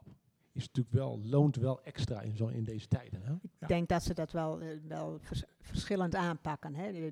Zo doen ze het in, in Leeuwarden. Ik ben lid van de afdeling in Franeker. Wij krijgen ook elke maand wel een nieuwsbrief. En, ehm, maar verder, in, in- ik heb nog geen cadeautje gekregen. Zal- dat, hoeft dat ook niet. Zal hè, wel maar- komen. maar via andere contact ben ik nog lid van een, van een vrouwengroep bijvoorbeeld. Die, eh, daar heb ik eens een keer een leuk bloemetje van gehad. Hè, eh, hebben ze de moeite genomen om toch bij die 80 vrouwen bij te la- langs te gaan. En ze- En zelf ben ik ook betrokken bij een aantal, eh, bij, bij, een, bij een koor. Nou, en hebben we ook eh, een leuk kaartje bedacht en met, met een mooie tekst. En, en, en nou ja, op die manier probeer je toch iets extra's te doen om, Ja. om, om dat contact te houden. En Koen, ik, ik kan me voorstellen hè, dat eh, eh, religie verbindt. Hè, dus veel gemeenschappen die groot zijn, zullen een, een basis hebben in het geloof. Misschien met koren en andere. Z- Zijn er ook andere soorten gemeenschappen die je vanuit de raad ziet of herkent? Ja, er zijn er, die zijn er degelijk. Maar toch het grote voordeel van eh, kerkgemeenschappen is dat het een heel lang verleden kent. Ja. Mensen kennen elkaar goed, eh, kennen elkaar over het algemeen eh, redelijk goed. En in, in, in, in tijden van rampen, zoals ik die pandemie toch maar even noem, kun je daar heel veel makkelijker op terugvallen. En heb je andere gemeenschappen, ja, maar ik denk wat minder, met, met wat minder cohesie, wat minder samenhang.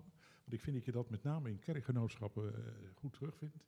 Eh, maar je moet eh, denken bijvoorbeeld, eh, een een club waar ik zelf nog wel wat zicht op heb, is eh, bijvoorbeeld eh, FNV Senioren. Dan zie je dat wel, maar daar is de cohesie eh, op een hele andere manier ge- eh, eh, georganiseerd. Ja. En ook wat minder strak, die cohesie. Ja, Eh, ja. Er is wel een samenlevingsgevoel, maar op een hele andere manier.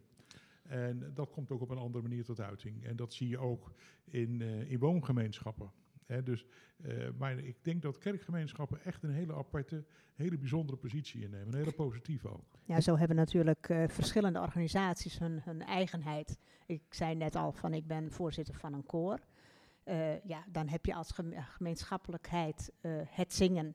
Eh, en en dat, dat, dat, daar geef je, dat, dat, dat, is prachtig om te doen met elkaar. Hè? Maar naast dat zingen is ook de, de sociale cohesie en, en, en de contacten, die zijn zo erg belangrijk.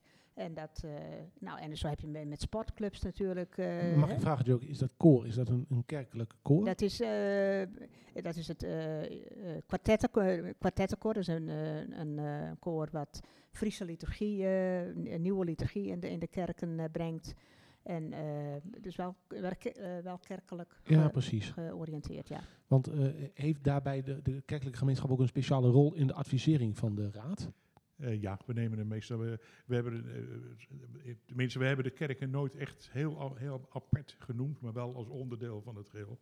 En ik denk ook dat eh, het belang van eh, de kerkgenootschap, als je dat afzet, hoe de discussie is verlopen vanaf begin maart tot op heden rondom corona, dan zie je dat de individualisering die natuurlijk jaren geleden heeft ingezet, en ook de, de secularisering, dus het loskomen van kerk en staat, dus eh, ook eh, tussen de gemeenschappen en, eh, toch wel een wicht gedreven, dan zie je dus dat nogal wat negatieve aspecten in die hele discussie terug te voeren is. En een ontwikkeling van eh, het loslaten van de kerk en noem maar op. En dat is een prijs eh, die zie je dat die betaald wordt. Dat geldt niet voor 100%, maar we hebben op dit moment wel zo'n 20% in de samenleving die bijvoorbeeld zich niet wenst te houden aan, eh, eh, eh, gewoon aan, aan de maatregelen. En ik heb het gevoel dat er ook nieuwe religies worden uitgevonden, zoals viruswaanzin en eh, Ja, ja. dat soort dingen. Ik Ja. zou dat geen religie willen noemen. Nou, laten we even in het midden, goed? Ehm, ja, de, de, de tijd vliegt. Eh, eh, we, liggen wat achter op schema, dat geeft niet. We hebben tijd. Maar eh, op het programma staat dat we gaan bellen met de medewerker van de BIEB. eh, Renate Kazemier. En nou ja, de BIEB, zoals ik al zei, heeft dus een functie in de basisvaardigheden waar digitale tools bij horen. Dus we gaan haar vragen, denk ik, wordt daar ook meer gebruik van gemaakt nu. En ook door de ouderen. Dus ehm, we gaan haar bellen. Ze weet dat we belt. Ze weet dat we bellen. U spreekt met voicemail. Ze weet niet dat we bellen. ja. nou zitten we in de biep. En eh nou neemt ze niet op. Maar goed, gelukkig hebben wij daar onze artiest Rinke. Rinke, schikt het jou om een, eh, om een liedje te spelen? Eh, ja, natuurlijk. Ja? Nou, wij smachten er eigenlijk ook wel na. Eh, nou, weet je, eh, het leuke is, ik heb een nieuw liedje. Praat even in de microfoon als je wil, Ik Rinke. heb een microfoon zitten. Ja. En ik heb een nieuw liedje. Kijk, En eh, dat liedje is Fries. Een Fries liedje. Ja, een Fries liedje. En- Hoera. en Jij kent het Fries niet, hè? Friese taal. Nee, ik ben lerende. Eh, misschien eh, u? U wel. Ja, ik, Dan ik praat het liefst Fries. Dan, eh, dan nog een speciaal voor jou. Nou, Nou. Koen niet, hadden we al geleerd. Helemaal goed.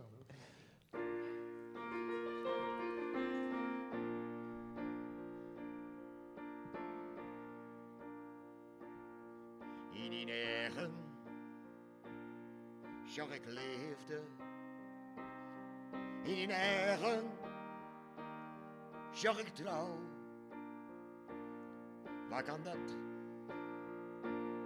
nog zien ze? En daarom, daarom viel ik partij. In die eigen, die eigen die nergens is er meer. Daarom houd ik zo van mij. En dool, dool is mij gewoon geworden. En als het zo is, kom maar bij mij. Want ik hoor van mij. Viel mij zelfs vrij. In de storm van mijn leven Ja, dood er van mij in de storm van mijn leven. Lid is mij vrij. En wie het zuster en de zinnen schieden net.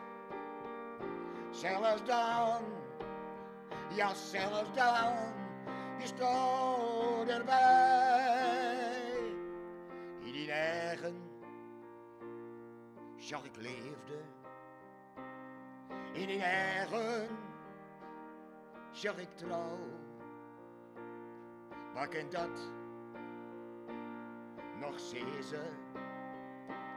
En daarom viel ik vaardij.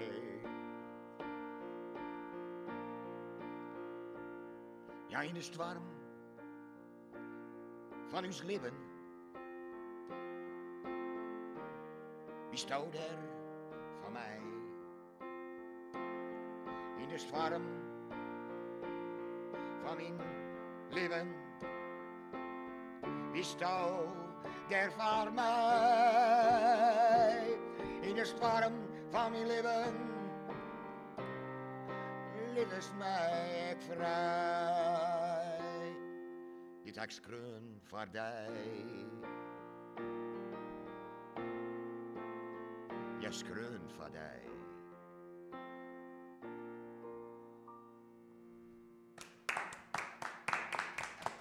Mooi Fries veske. Ja, jawel, schitterend drinken. Zo vaak hoor ik jou niet Fries eh, zingen, maar eh, hierbij. Je hebt het kunnen verstaan, naar Joker? Nou, is- is Natuurlijk. voor de radio doe.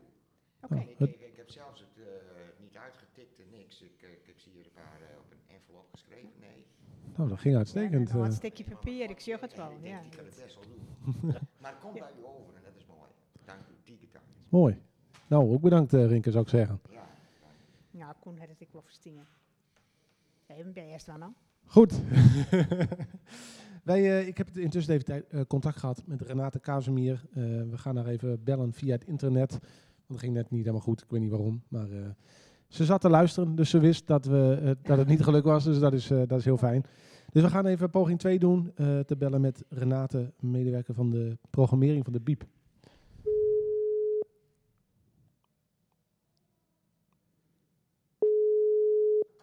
Met Renate. Dag Renate, met Nick. Je zit eh, in de uitzending. Van harte welkom. Dankjewel. Hallo. Je zat te luisteren, begrijp, eh, begreep ik net. Ja, klopt. Ja. En toen hoorde ik mijn eigen voicemail. Toen dacht ik, huh? ja, nou schitterend. Eh, gelukkig hebben we ook nog een WhatsApp waarmee we kunnen bellen. Dus dat eh heb je toch te pakken. Ehm, Ja. ja, nou, zoals je dan blijkbaar eh, gehoord hebt, hebben we het vandaag over, ehm, nou, eigenlijk van alles. Ouderen, corona en hoe blijven we in contact. Ook digitale vaardigheden. Dus natuurlijk ook een belangrijke rol van de BIEB. Kun je daar iets over vertellen? eh, eh, nou, wat doet de BIEB eigenlijk Ja. allemaal daar, daar, in, op dat Nou gebied? ja, ja waar, waar zal ik beginnen? Ehm, eh, het is natuurlijk zeker in deze tijd kom je er wel gewoon achter eh, wat de kwetsbaarheid is van mensen en, en ook de, wat de noodzaak is hè, om op dit moment digitaal vaardiger te zijn. Ehm, en er zijn in Nederland natuurlijk 3 miljoen 65-plussers. En ehm, eh, ja, zij hebben, en dat is niet, eh, niet eh, vervelend bedoeld, toch ook enigszins een kennisachterstand, omdat zij hen niet met digitale vaardigheden zijn opgegroeid. Ehm, ja, en vanuit, vanuit daar is natuurlijk een bibliotheek een hele mooie plek om, om die, die, ehm, die kennis zeg maar, bij te spijkeren. Want een bibliotheek is er tegenwoordig niet alleen meer voor boeken. We helpen mensen ook om zelfredzaam te worden met hun computer, hun laptop, hun tablet of telefoon. Ja. Waardoor ze toch op die manier ook eh, contact met de buitenwereld kunnen houden. En, en hoe zorgen jullie ervoor dat de mensen die die hulpvraag hebben, dat die bij jullie terechtkomen? Nou, we hebben, ehm, eh, want het is natuurlijk soms best lastig als iemand niet digitaal vaardig is. eh, hoe kom je dan met mensen in contact? We hebben, mensen kunnen sowieso altijd naar de bibliotheek bellen met vragen als ze vragen hebben. Eh, daarnaast hebben wij eh, elke dinsdagmiddag in de bibliotheek en elke donderdagmiddag, eh, bijvoorbeeld, in, dat is dan in Leeuwarden, in Kammingaburen, hebben we een, een digitaal inloopspreekuur. Dat als mensen, ik noem dat altijd een beetje de eerste hulp bij digitale ongelukken. dat stel dat mensen al wel een apparaat hebben, maar er niet helemaal uitkomen omdat hun mail vastloopt. Of ze snappen niet hoe ze een app moeten installeren op een telefoon. Of hè, hoe maakt mijn telefoon nou verbinding met de wifi? Uh, dat ze daar naartoe kunnen om, uh, om, om, om raad te vragen of om advies. En onze vrijwilligers kunnen daar heel goed mee helpen. Um, daarnaast hebben wij uh, regulier ook groepen, groepen leren computeren, waarin je echt vanaf de basis leert computeren. en voor sommige mensen begint dat met hoe zet ik een computer aan of uit, hoe houd ik een muis vast. sommige mensen beginnen met het leren typen. Um, die groepen is natuurlijk nu lastig, um, in deze coronatijd. Uh, maar we zien wel dat de mensen die in de, al in de groepen zaten, dat daar een aantal toch zo heldhaftig van zijn geweest om, uh, om, ja, om toch te proberen met ons digitaal les te volgen via Microsoft Teams. Dus echt online les. Uh, en dus ook thuis oefenen. En gaat dat? Of, ja, nou, we hebben uh, in de tijd dat we nog één op één met mensen konden afspreken, net zoals nu, uh, hebben we instructie gegeven van tevoren. En ehm, er zijn een aantal die houden heel heldhaftig vol en dat gaat eigenlijk best goed. Dus dan is het gewoon heel mooi om te zien ehm, nou ja, dat ze die stap ook durven te maken. En ook zeggen van nou, weet je, we gaan ervoor, we proberen het. En lukt het niet, dan lukt het niet. Maar dan hebben we het in ieder geval geprobeerd. En dan weten we zodra we weer in de les kunnen zitten, uh, waar we met z'n allen aan, uh, aan gaan werken.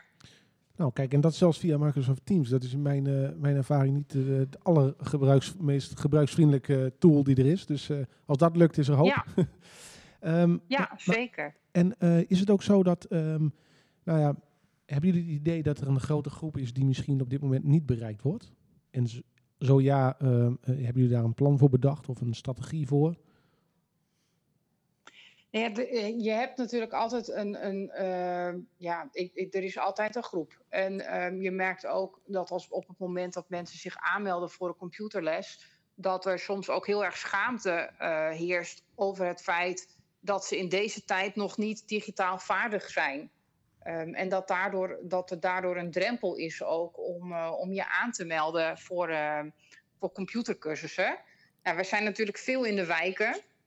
Ik heb collega's die veel contact hebben ook met sociale wijkteams, die veel in gesprek zijn ook met de gemeente. Dus op die manier ook wel in contact proberen te komen uh, met de doelgroep die het juist zo hard nodig heeft. Ja. Um, maar het, het, blijft lastig. En vooral ook omdat mensen vaak ook niet weten dat een bibliotheek er inmiddels al een aantal jaar meer is dan alleen boeken.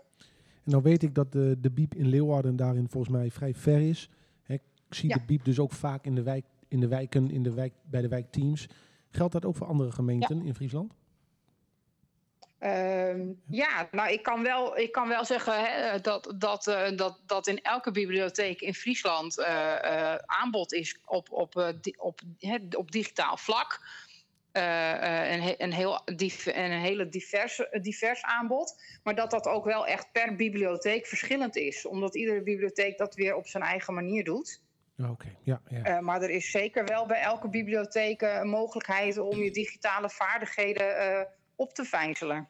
Oké, okay, dus voor wie zit te luisteren en denkt, goh, welke biep zit er ook weer bij mij in de buurt? Daar zou je dus terecht kunnen met digitale vragen. Ja, je kan, je kan altijd even naar je eigen bibliotheek bellen en vragen van, goh, hè, wat bieden jullie aan of hoe kunnen jullie mij helpen? Zeker. Oké, okay. Dat is interessant.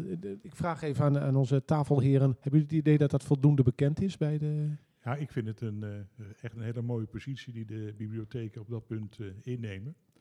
Er blijven wel een paar vragen over wat mij betreft. Eén daarvan is, uh, je, jullie richten je dus op de groep die wel genegen is de digitale wereld in te stappen. En ook de mogelijkheden hebben, klaarblijkelijk. Hè, dus het is een kwestie van, want dan heb je nog een grote groep en dan is de vraag in hoeverre je dat met de gemeente kunt oppakken, die dus om uh, inkomens, uh, die een inkomen zo laag is dat ze absoluut niet in staat zijn zelf uh, iets aan te schaffen. En er zijn wel mensen die heel vaak ook dezelfde behoefte hebben, wie dan ook. Overigens geldt dat ook voor jongeren. Ik heb ja. in het voorgesprek al gewezen op klassen, de uitzending die van afgelopen maandag is uitgezonden, waar je ziet dus dat jeugd geen toegang heeft, ook een ouderen dus, dan hebben we het over jongeren, tot de digitale wereld. Helemaal afgesloten. Uh, hebben jullie daar ervaring mee? Doen jullie daar wat mee als uh, bibliotheken? Dus de eerste vraag. Tweede vraag is even uh, over het gebruik van Teams. Dat vind ik op zich een hele interessante. Maar leren jullie ze ook aan om dat zelf te gaan gebruiken? In die zin, Teams kun je als particulier niet gebruiken. Je hebt een bedrijfslicentie nodig om op een goede manier de uitnodigingen de deur uit te krijgen. Dan heb je dus andere apps nodig en helpen jullie ze daarbij? Want je kunt natuurlijk wel leren met apps te werken, maar uh, de bedrijfslicentie kost op dit moment geloof ik 6 euro per persoon. Dus dat is ook niet weggelegd. Nee, precies. Dat zijn mijn twee vragen eigenlijk. Heb je die goed verstaan, Renate? Ja, ik doe mijn best, want het geluid is inderdaad een beetje hol. Nou, ik ken de okay. Blokhuispoort heel goed, dus ik snap waardoor dat komt. Okay. Um, uh, maar om, uh, om te beginnen met de vraag over Teams. Uh, onze docenten van de computergroepen, die loggen in zeg maar, onder onze bedrijfslicentie van, ja. van, de, van de BIEB. waardoor zij een uitnodiging kunnen versturen naar onze zogeheten particuliere deelnemers.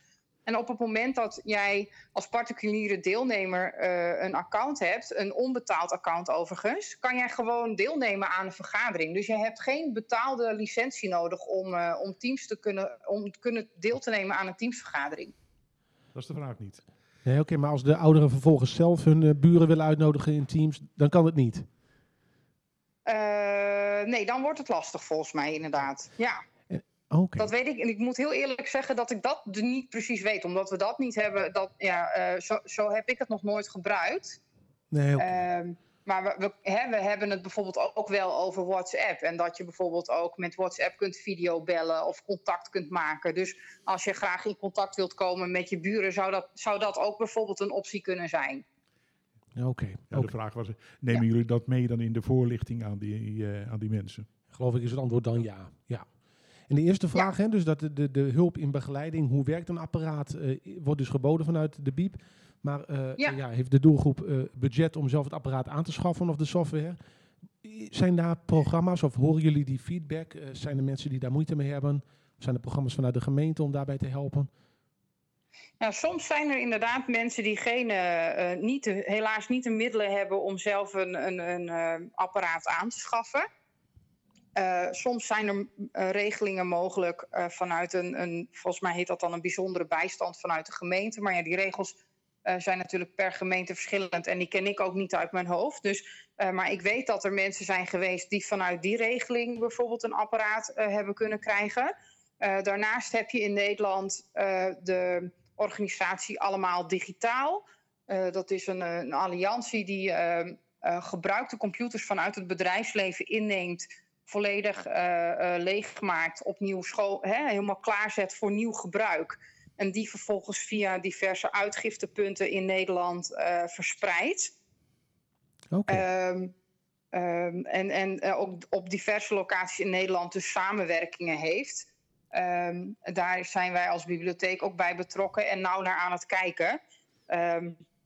maar die worden natuurlijk niet zomaar aan iedereen gegeven. En ook daar zitten regels aan. Dus ja. Maar er zijn wel mogelijkheden. Oké. Okay. Oké. Okay. Nou, ik denk op zich wel een helder verhaal. Ik zit een beetje met de tijd te kijken, dus ik denk dat we het hier even bij moeten laten helaas. Maar het belangrijkste is dus, bij de BIEB kun je terecht voor hulp bij digitale vaardigheden, problemen. Is er hulp bij digitale problemen? En volgens mij is ja. dat uh, extra belangrijk in deze tijd. Dus dat is uh, geweldig dat dat er is. Um, ja, zeker. En bel vooral met vragen. Want uh, je bent niet de enige die soms even klem zit digitaal. Dat gebeurt iedereen. Helder, helder. Ja, misschien uh, moet ik ook eens bellen als, als ik of een collega van me vastzit. Want het gebeurt ook mij en collega's. Dus ja, ja terecht nou, opmerking. Van harte welkom. Nou, ik ga het eens proberen. Ja. Oké. Okay. Nou, Helemaal goed. Bedankt. we zitten hier trouwens goed bij de Biep. Dus bedankt ook daarvoor. En we spreken elkaar vast op een ander moment opnieuw. Komt helemaal goed. Dankjewel en oh. succes met de uitzending. Komt goed, bedankt. Jo, okay. Dag. Um, ja, um, want we hebben nu op het programma staan, het, uh, we gaan bellen met Trace Flapper, van, uh, projectmanager van Zorg Thuis. Bij jullie bekend ook? Of, uh, ja, wel eens ja. ontmoet op een, uh, op een bijeenkomst waar zij uh, voorlichting gaf over een, een speciaal onderwerp. Nou ja, waar ze het misschien straks ook ja. over, over zal hebben. Nou, we gaan eens uh, bellen, stel ik voor, met, uh, met Trace. Uh, nou, laten we gewoon maar meteen doen. ik kan er heel veel over vertellen, maar... kan ze zelf beter doen. Precies.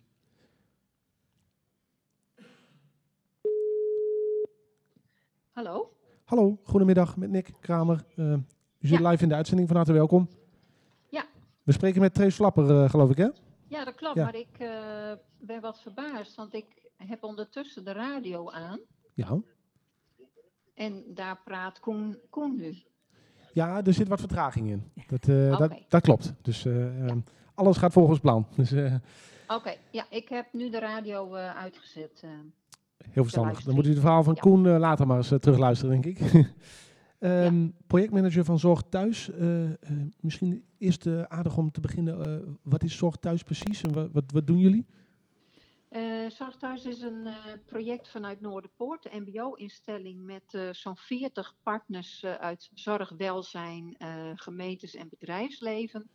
En wat wij doen is eh, aan de hand van praktijkopdrachten, eh, eh, leergangen, eh, workshops, eh, onderzoek, eh, technologie bekender te maken en ook de vaardigheden eh, toe te laten nemen, zowel bij inwoners, studenten als medewerkers. Dus we pakken alle doelgroepen. Oké, dus eigenlijk hè, waar wij het vandaag in de uitzending vooral Ja. over hadden ook, is die kloof tussen die groep die misschien eh, wat, wat meer hulp nodig heeft. Ik neem aan dat jullie dan vooral richten op die groep die eh, de meeste hulp nodig heeft. Eh, nou, wij sluiten aan bij, eh, bij waar de zorgorganisaties behoefte aan hebben. En ook bij hun cliënten, zeg maar. Oké, Ehm, of we hebben ook wel eh, eh, samenwerken met de gemeentes.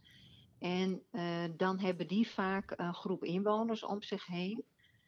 Dus of het per definitie de doelgroep is die we juist heel graag willen bereiken, zoals ook in de hele uitzending naar voren komt, daar durf ik mijn hand niet voor in het vuur te steken. ah, oké. Dus eh Zorg Thuis gaat ook wel vooral om zorginstellingen. En, eh, wij werken veel samen met zorginstellingen, maar we hebben ook welzijnsinstellingen eh, die partners zijn en gemeentes. En Oh, dan heb je het ook over de thuiswonende ouderen of mensen met een eh, beperking. en zorgt deze coronatijd ervoor dat er een versnelling plaatsvindt in hoe, hoe handig mensen zijn met digitale toepassingen? Ehm, nou, dat is een beetje dubbel, want onze studenten kunnen vaak de instellingen niet in. Eh, maar je ziet wel een versnelling in beeldcontact.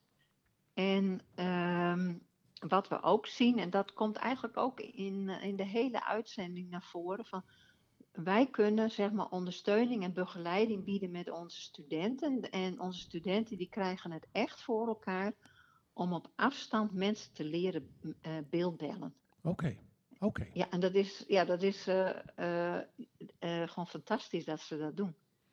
Oké, goed om te horen dat dat lukt. Dus dat is eh, Ja. dus wat extra Ja. begeleiding en aandacht en tijd helpt daarbij Ja. gewoon dan. En je, we hebben ook wel eerdere projecten gedaan en dan is het natuurlijk een en-en verhaal. Hè. Ouderen stellen het ook zeer op prijs dat er dan een student langskomt, hebben ze contact met de jongeren en ondertussen eh, leren ze omgaan met bijvoorbeeld een tablet. Ehm, wat onze studenten nu ook doen is dat ze niet alleen maar eh, eh, beeldcontact leggen met de ouderen, maar dat ze de ouderen ook echt leren om beeldcontact te leggen met mensen in hun eigen netwerk. Oké, Dus dat ze ook niet afhankelijk worden van het feit dat dan een student eh, beeldcontact met hun zoekt. en wordt er dan een soort van evaluatie achteraf? Vindt dat dan plaats? Van, eh, ging het goed de afgelopen week of iets dergelijks? Ja, bijvoorbeeld. Ja. Oké. Ja. En is er nog eh, voorkeur bij de, bij de ouderen in algemene zin? eh, beeldbellen of juist apps of, of, of, of iets anders? Ehm, nee, want wij, wij, wij eh, sporen ook de studenten aan om met name eerst in te gaan op beeldcontact. Ehm, er zijn studenten die heel creatief zijn en bijvoorbeeld ook hun grootouders leren om, om beweegoefeningen te doen ehm, eh, eh, met een programma. Eh, of online boodschappen te doen. Dus eh, dat is ook een beetje van eh, wat, wat de oudere wil. Oké. Dus ja, wat ik Koen ook de hele tijd hoor zeggen van sluit aan bij wat ouderen willen. Ja, dat is eigenlijk ook wat de studenten leren. Van haal de vraag op en sluit daarbij aan. Oké, helder. Koen, je wou je daar iets over zeggen? Ja, ik heb nog wel een vraag aan je, want ik, eh, ik vind het ontzettend leuk eh, hoe jullie je gepositioneerd hebben in dat proces naar ouderen toe. Maar ik heb één vraag. Eh, jullie helpen ouderen dus bij het gebruik van beeldbellen, dus met de apps die daar verband mee houden. Nou zijn die apps erom bekend dat ze bij de ontwikkeling weinig hebben stilgestaan bij de behoeften van de ouderen. En je merkt, het is althans mijn ervaring, dat nogal wat apps, zeker bij ouderen met beperkingen, eigenlijk eh, niet goed bruikbaar zijn altijd. En maken jullie van die kennis die je dan opdoet gebruik om naar de eh, provider te gaan of naar de eigenaar van de app om te kijken of daar aanpassingen in kunnen plaatsvinden. Ik weet dat een aantal providers mensen daarvoor hebben rondlopen, maar die worden misschien maar eens per week gebeld, bij wijze van spreken. Um, ik heb het niet heel goed verstaan, maar volgens mij was de vraag of wij ook gebruikerservaringen ophalen en met name uh, uh, de beperkingen die sommige apps met zich meebrengen. Uh, dat zou kunnen als wij die opdracht krijgen, ehm, maar dat hangt soms ook van de bedrijven af of ze genegen zijn om hun apps aan te passen. Maar dit is Um, ja, dit, dit zijn natuurlijk wel bekende en uh, helaas wat hardnekkige uh, problemen. Um, het, het, is natuurlijk veel mooier als je apps uh, ontwikkelt met de eindgebruiker al aan het stuur. Ja. Um, en die ontwikkelingen zijn er ook wel. Ik, ik wil er wel één noemen en niet dat ik nu reclame ga maken. maar bijvoorbeeld, er is een digitale stamtafel ontwikkeld. En, en, daar, en die, is, zeg maar, uh, die wordt de hele tijd doorontwikkeld, ook op basis van ervaringen van uh, gebruikers. En de digitale stamtafel, daar, kun je, daar zit een beeldcontact in. En dan kun je zeg maar virtueel met een aantal mensen om tafel zitten. Dus wat de naam is, dat zegt, dat is het ook. Maar je kunt ook één op één beeldcontact leggen. Want ik hoorde Koen ook zeggen van er zijn niet zoveel van mogelijkheden voor beeldcontact. Nou, die zijn er dus wel, maar je moet het allemaal weten. Dus als ik dit hoor, dan denk ik, oh, er is nog zoveel te doen qua voorlichting. En uh, zo'n concept als wat wij ontwikkeld hebben uh, in Groningen met onze studenten, ja, dan heb je wel heel veel mogelijkheden om voorlichting te geven. Uh, maar er zijn echt, ja, je kunt ook bellen, beeldbellen via WhatsApp. Er zit beeldcontact in de digitale standtafel. je hebt een dagklok waar beeldcontact in zit. Um, uh, dus, en, en, je hebt een, uh, een seniorentablet met beeldcontact. Je hebt de compa met beeldcontact. Dus er zijn echt heel veel mogelijkheden. Maar, maar je dus moet wel... ze wel weten en je moet, ja. en je moet ermee om uh, leren gaan. En de begeleiding is dan best wel arbeidsintensief, stel ik me voor. en ja. de studenten hebben daar tijd voor. Maar wat voor wat zijn er andere organisaties die daar misschien een rol in kunnen spelen? Ja, wij zijn, want ik, eh, naast dat ik uh, uh, projectmanager ben bij Zorg Thuis Noorderpoort, dat doe ik twee dagen in de week, uh, ben ik samen met Mieke Koot van Generatie Thuis, heb ik een projectidee ontwikkeld en dat heet in het Fries On Tablet. Oftewel aan de tablet. Ah. En ehm, ik heb onder andere een contact met de bibliotheek van uh, Noatius Friesland gehad. Um, dus die bieden ook begeleiding op het gebied van digitale vaardigheden. Um, en wat wij, wat wij in dat project willen doen, is ook om met studenten uh, juist de kwetsbare ouderen, uh, laag, mensen met, uh, die laaggeletterd zijn, chronisch zieken, leren met een tablet om te gaan. En, maar we willen ze ook verstrekken aan degenen die, ehm, die daar geen toegang tot hebben. En naast de studenten zouden dus ook vrijwilligers van de bibliotheek of vrijwilligers via het welzijnswerk ingezet kunnen worden. En uh, ja, ons, onze droom is dat we dan een, uh, een heel mooi netwerk hebben en een structuur hebben om die begeleiding echt uh, duurzaam aan te bieden. Helder. Oké, okay, nou, oké, okay, ja, je hebt een vraag. Ja, ik, ik ben eigenlijk benieuwd naar hoe bereiken jullie de senioren? Hè? Van, jullie hebben via die scholen, die, die, die, die zijn ermee bezig, maar welke groepen senioren, ouderen bereiken jullie? Is, dat via organisaties of is dat, uh, dat, dat particulier? Of, of? Um, kijk, binnen uh, het project Zorg Thuis bereiken wij de ouderen via de welzijnsorganisaties en de zorgorganisaties. Uh, of de gemeentes. en, maar dan, dan zit daar ook vaak het welzijnswerk bij. Uh, voor onder tablet uh, hebben wij contact uh, met iemand die contact heeft met Zorgbelang Friesland. Die heeft al een grote groep van 150 ouderen betrokken in een project van Dantemediel. En um, uiteraard komen wij ook bij de ouderenbonden terug. maar we, we, zitten wat in de voorbereidende fase. Eh, maar ook Ouderenbond wordt genoemd, Zorgbelang wordt genoemd. Dus wij, ehm, ja, dat zijn ook onze ingangen. Maar het welzijnswerk is zeker ook een belangrijke partner. En de bibliotheken. Jammer dat we nog niet samen kunnen komen. Anders dan, uh, zouden we geïnformeerd kunnen worden via jullie organisatie. Ja, volgens mij uh, wachten we daar allemaal op. Dat zou geweldig zijn. Dat heb ik niet verstaan. Maar, uh, nou, dat het goed zou zijn dat we weer uh, fysiek bij elkaar kunnen komen. Dan kunnen we meer van elkaar leren en kennis met elkaar ja. maken. Ja. Um, ja, er zit heel veel overlap in, maar ook heel veel wensen en behoeftes. Waarvan ik denk van, nou ja, in, in Groningen zijn we er al redelijk ver mee. In Friesland zijn er ook wel ontwikkelingen. dus het zou mooi zijn als we die ervaringen, maar ook de, de leemtes die er nog zijn, dat we die bij elkaar brengen. En dat we dan gewoon weer een stap verder kunnen komen. Helder. Nou, helder verhaal. Bedankt voor de bijdrage. Graag gedaan. Wij, wij, praten nog even verder, denk ik. En nou, ja. graag tot de volgende keer. Tot de volgende keer en dan zet ik de radio-uitzending weer aan. Ja, leuk. Heerlijk. Goed. Ja. Heel fijn. Bedankt. Ja, ja dag. Oké, okay, dag. Um, misschien is het leuk dat we nog even een uh, muzikaal uh, intermezzo doen. Ben je er klaar voor, Rinke? Ja, ik dacht eventjes, dus, uh, zit hij toch in een voormalige gevangenis? Jailhouse Rock? Of, Johnny Cash. En ik denk Johnny Cash bij de piano, dat hebben we nog nooit gehoord. Nou. En ik heb het ook nog nooit gedaan. Dus daarom is het leuk om het toch eens te gaan proberen. Goed idee. En, Succes, Rinke. Okay.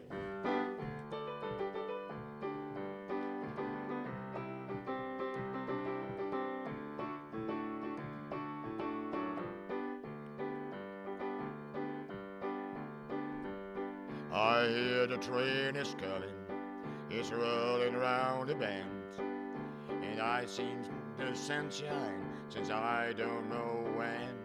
I'm stuck in Folsom Prison, and time keeps dragging on, but that train keeps a rolling on down to San Antonio. When I was just a baby, my mama told me, son, always be a good boy, don't ever play with guns. But I shot a man in Reno just to watch him die. When I hear that whistle blowing, I hang my head and cry.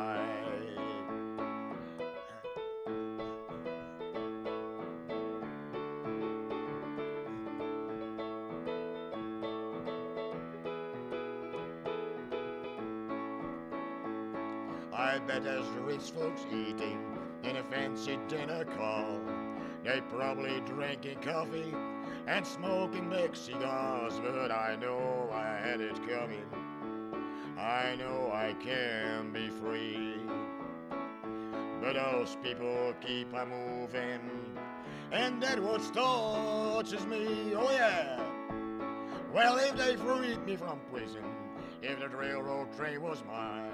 I bet move out of a little farther down the line, far from Folsom Prison. That's where I want to stay. And I'll let that lonesome whistle, oh, blow my blues away. Well, I hear the train is coming, it's rolling round the bend. I ain't seen the sunshine, I don't know when. Well, I'm stuck in Folsom Prison, and time keeps dragging on. But that train keeps rolling on down to San.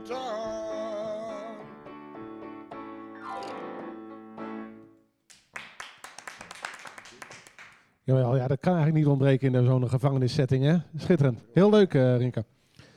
Goed, um, ja, ik uh, zou eigenlijk nog wel even het gesprek van net willen nabespreken, maar ik zit een beetje naar de tijd te kijken. Dus ik denk dat het goed is dat we de volgende gast bellen.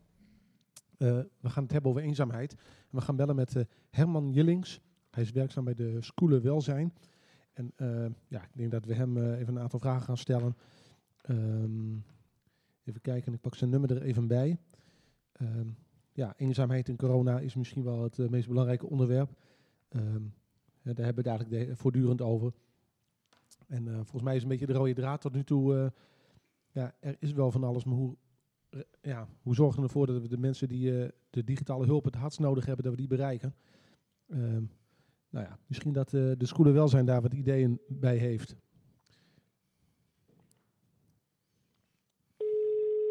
Hij gaat over.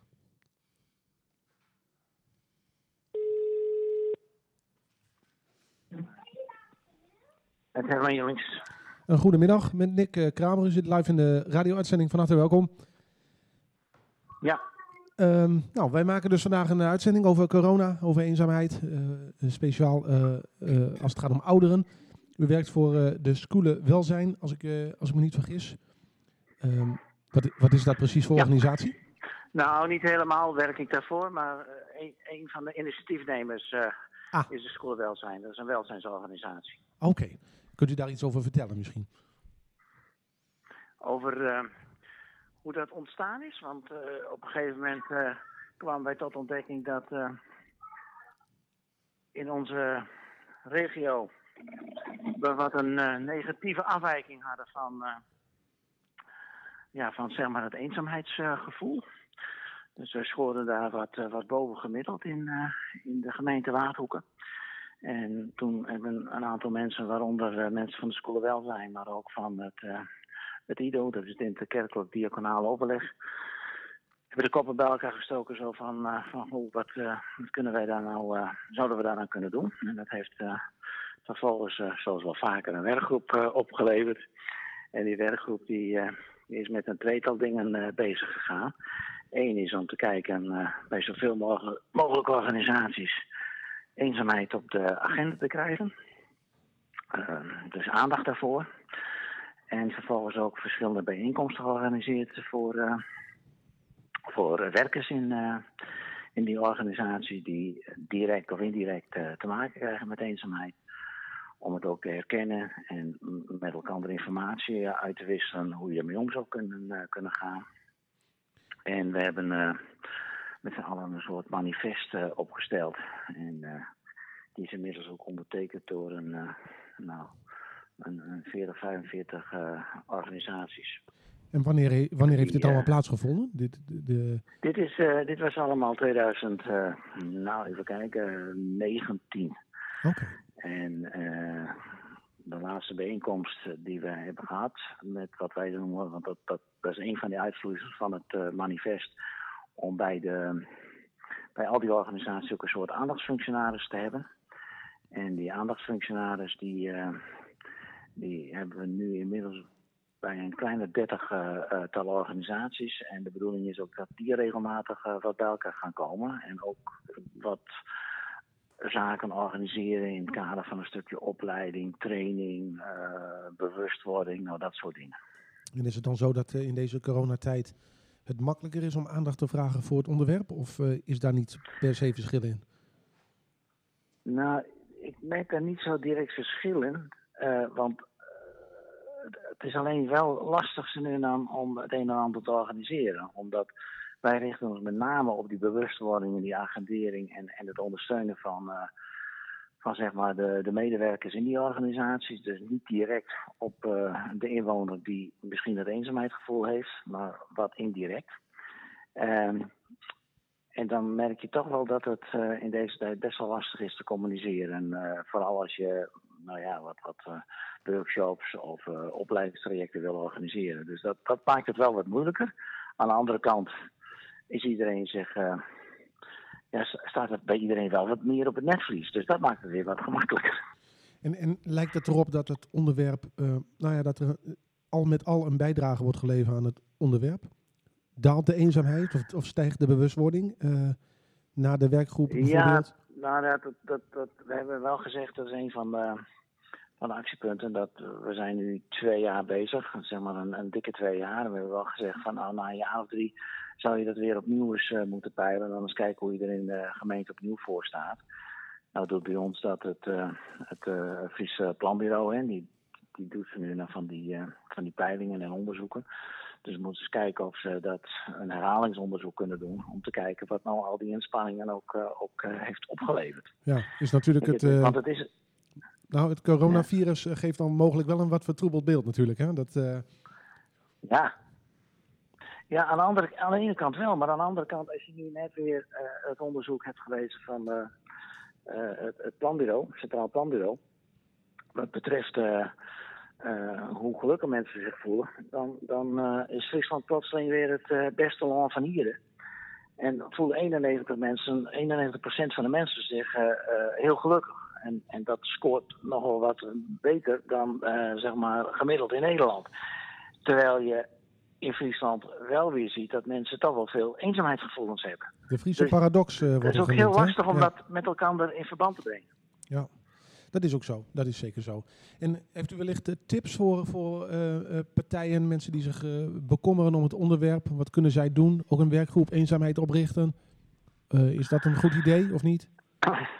Nou, wat we wel gemerkt hebben is dat over het algemeen organisaties wel heel blij zijn met het feit dat die professionals of eh, vrijwillige hulpverleners elkaar snel kunnen vinden op dit eh, thema.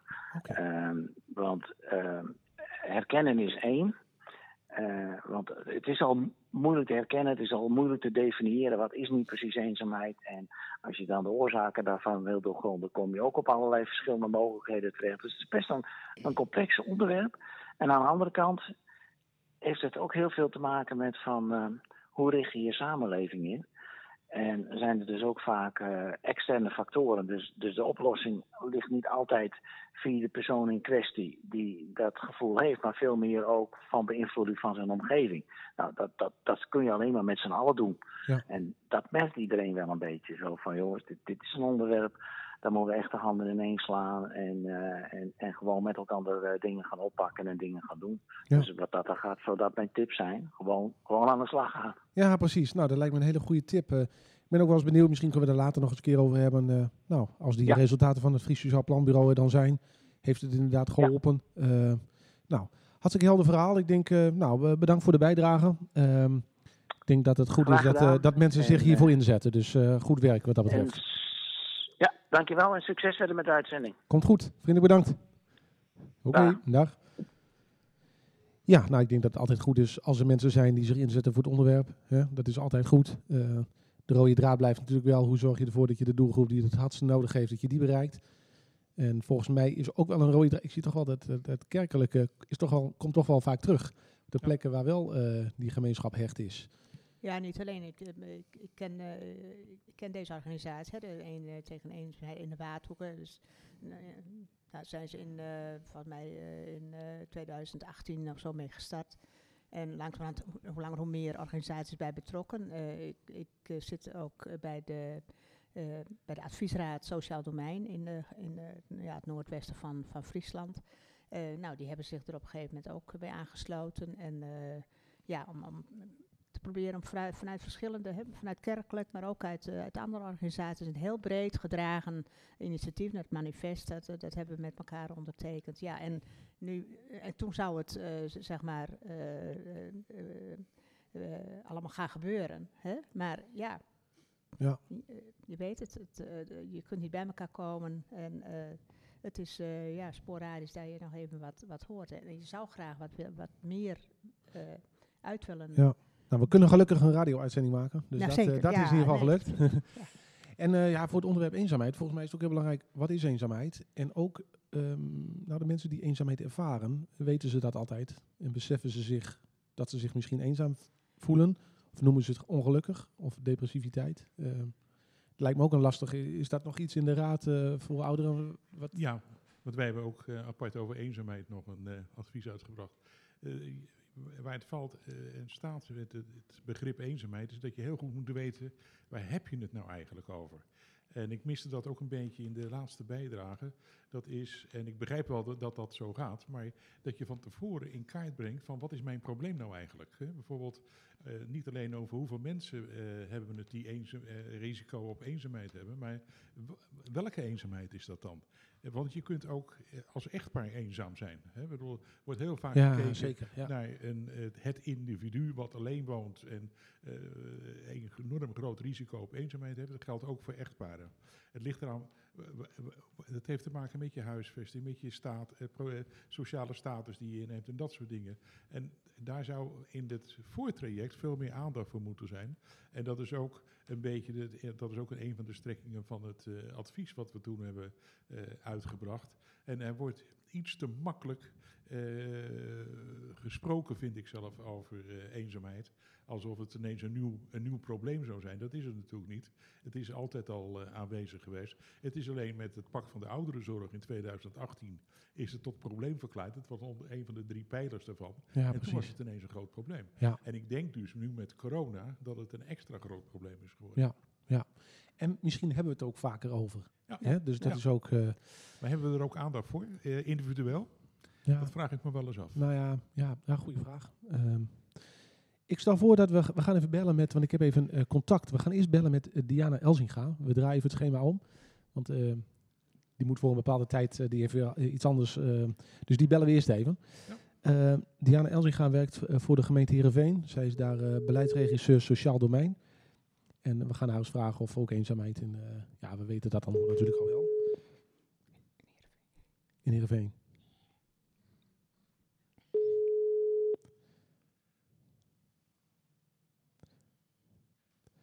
Uh, ik bel het verkeerde nummer. Dat kan ook. Uh, die ga ik, ik ga nu even het goede nummer bellen. Zo, hop. Ik had twee nummers van Diana. Dus, uh, met Diana. Dag Diana, met Nick. Je zit in de uitzending. Van harte welkom. Ja, goedemiddag. Oh. Nou, ik bel je even op je verkeerde nummer. Kan gebeuren, hè? Dus, dat is live radio, hè? ja, nee, helemaal goed. Um, nou, zoals uh, aangekondigd, we maken dus vandaag uh, een uitzending met de Stichting Friese Ouderenbonden over corona en eenzaamheid. En uh, nou, jij werkt in het sociaal domein voor de gemeente Heerenveen.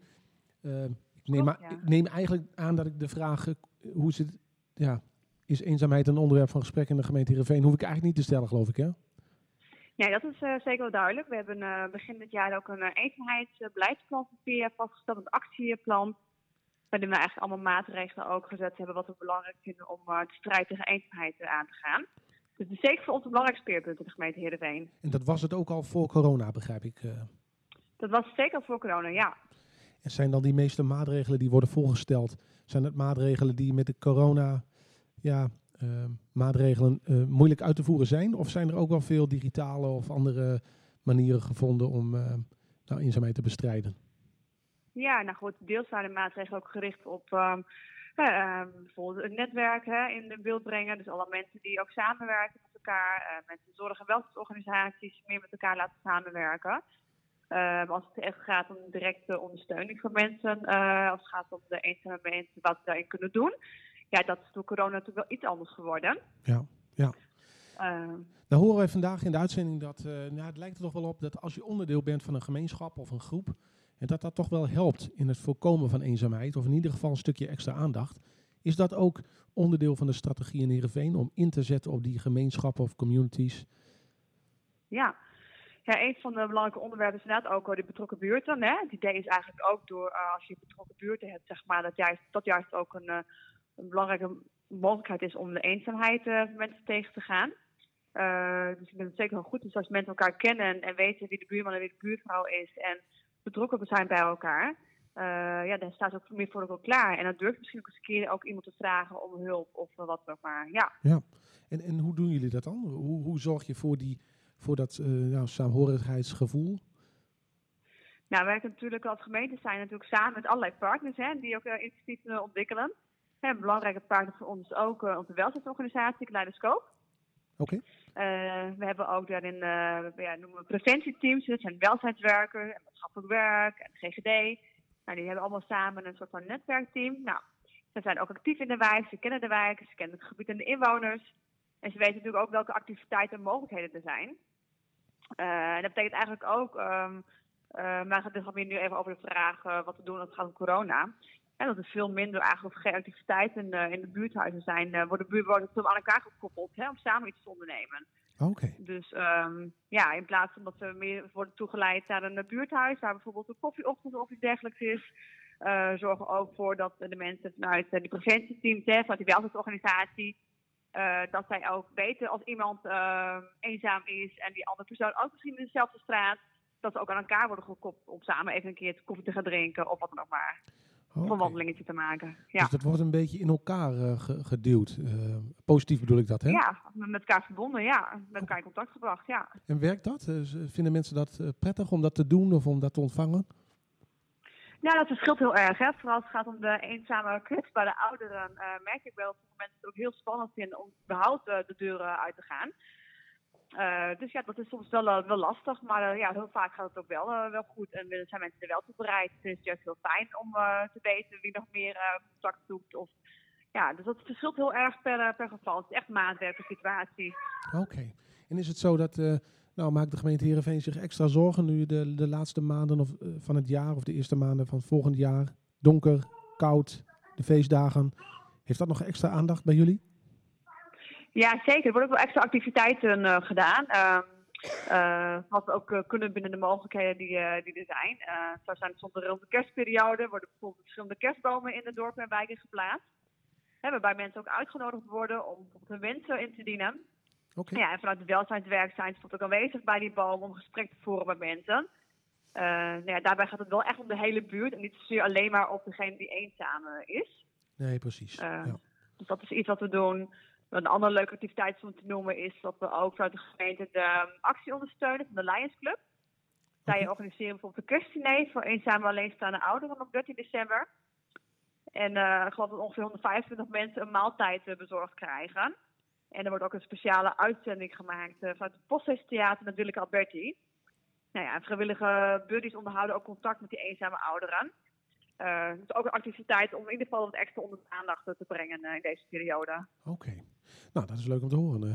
En is het zo dat, ehm, nou, hebben jullie het gevoel vanuit de gemeente dat, nou, hebben jullie een voldoende gedegen plan? Om, hebben jullie vertrouwen in dat, omdat, dat jullie dat eenzaamheid, het onderwerp kunnen terugdringen? Daar grip op te krijgen?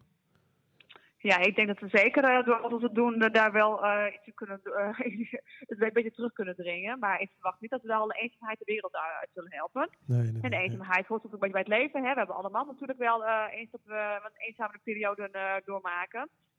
Dus soms hoort het er ook een beetje bij. Maar het gaat natuurlijk wel om dat het soms een beetje bij hebt tot een, tot een situatie dat heel ernstig is.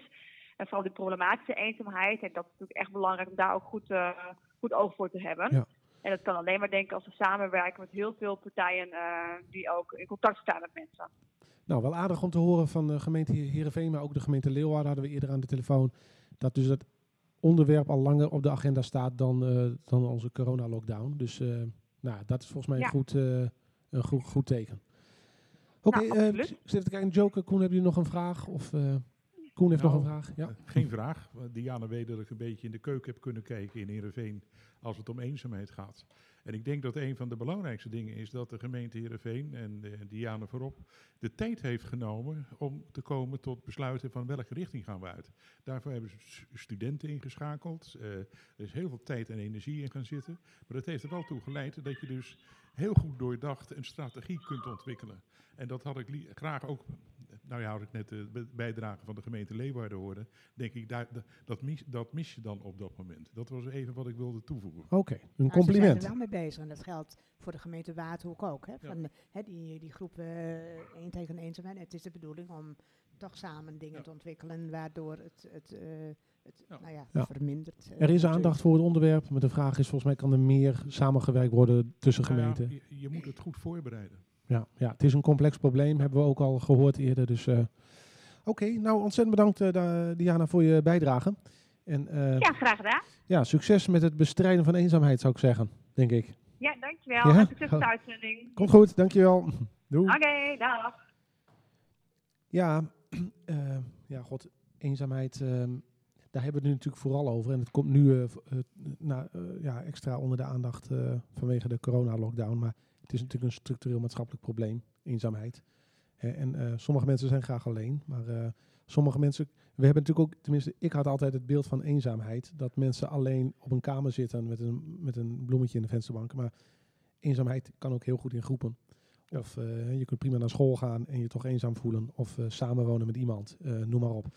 Dus verborgen eenzaamheid, ehm, vindt heel Ja, en ik plaats. denk ook wat Friesland eh, als eh, ja, toch een beetje de, de perifere kant van Nederland, hè, de- samen met Groningen en Limburg. Maar wat je dan wel ziet, we, heel veel, eh, we hebben nogal wat kleine kernen waar mensen wonen, waar jongeren wegtrekken en waar Ja. ouderen eigenlijk in eenzaamheid terechtkomen. Dat is een hele andere manier van eenzaam worden Ja, dan zeker. bijvoorbeeld in het westen van het land. En daarom zou je daar ook een specifieke manier mee om moeten gaan. Ja. Je kunt zelfs in een huwelijk eenzaam zijn. Ja. Dat is zo natuurlijk. Je kunt zelfs in een hele grote groep mensen eenzaam zijn. Precies, Dus ja. dat is een heel eh, groot begrip. Je kunt ook niet per se zeggen, nu ben ik eenzaam en nu ben ik niet meer eenzaam. Er zit natuurlijk heel veel tussen. Je kunt je heel erg buitengesloten voelen hè, in, in, een- in een bepaalde situatie. En, Precies. Nou, dat, dat is denk ik nog erger dan alleen thuis zitten. eh, nou, een beetje Ja. medelijden met jezelf, maar... Hè? Precies, ja. Ehm, Oké, we hebben nog één gast op, eh, op eh, het programma staan. Ehm, Johanna Schaap, ouderenwerker, gemeente Harlingen. Ehm, die gaan we nu bellen, met jullie goed vinden. Kunnen we daarna nog even nabespreken over wat hebben we eigenlijk gehoord vandaag. En eh, nou, dan hebben we toch al bijna twee uur en een kwartier radio gemaakt. Niet gek. Mijn, mijn record in ieder geval. Dus, we gaan bellen met Johanna Schaap. Is een bekende van jou trouwens, Joke? Nee, de, van Gerben die kende Ah, oké. Helder. Hij gaat over. Met Johanna? Goedemiddag met Nick. Eh, u zit live in de uitzending. Van harte welkom. Ja, dankjewel. Hallo. Ehm, ja, nou, zoals eh, aangekondigd, ik weet niet of u zit, zat te luisteren, maar we maken dus vandaag een uitzending over corona en eenzaamheid en ouderen. En ehm, u bent ouderenwerker, ouderenwerker in de gemeente Harlingen. Ehm, Dat klopt. Ouderenwerker, ja, ik moet bekennen, ik ken Ja. de term niet zo goed, maar eh, eh, bent u namens de gemeente, eh probeert u in contact te komen met ouderen of hoe, hoe, hoe moet ik me dat zien? Nee, ik ben, nou, ik ben van oorsprong ouderenadviseur. Die naam die werd zo net ook al eventjes genoemd bij door iemand bij jullie in de studio.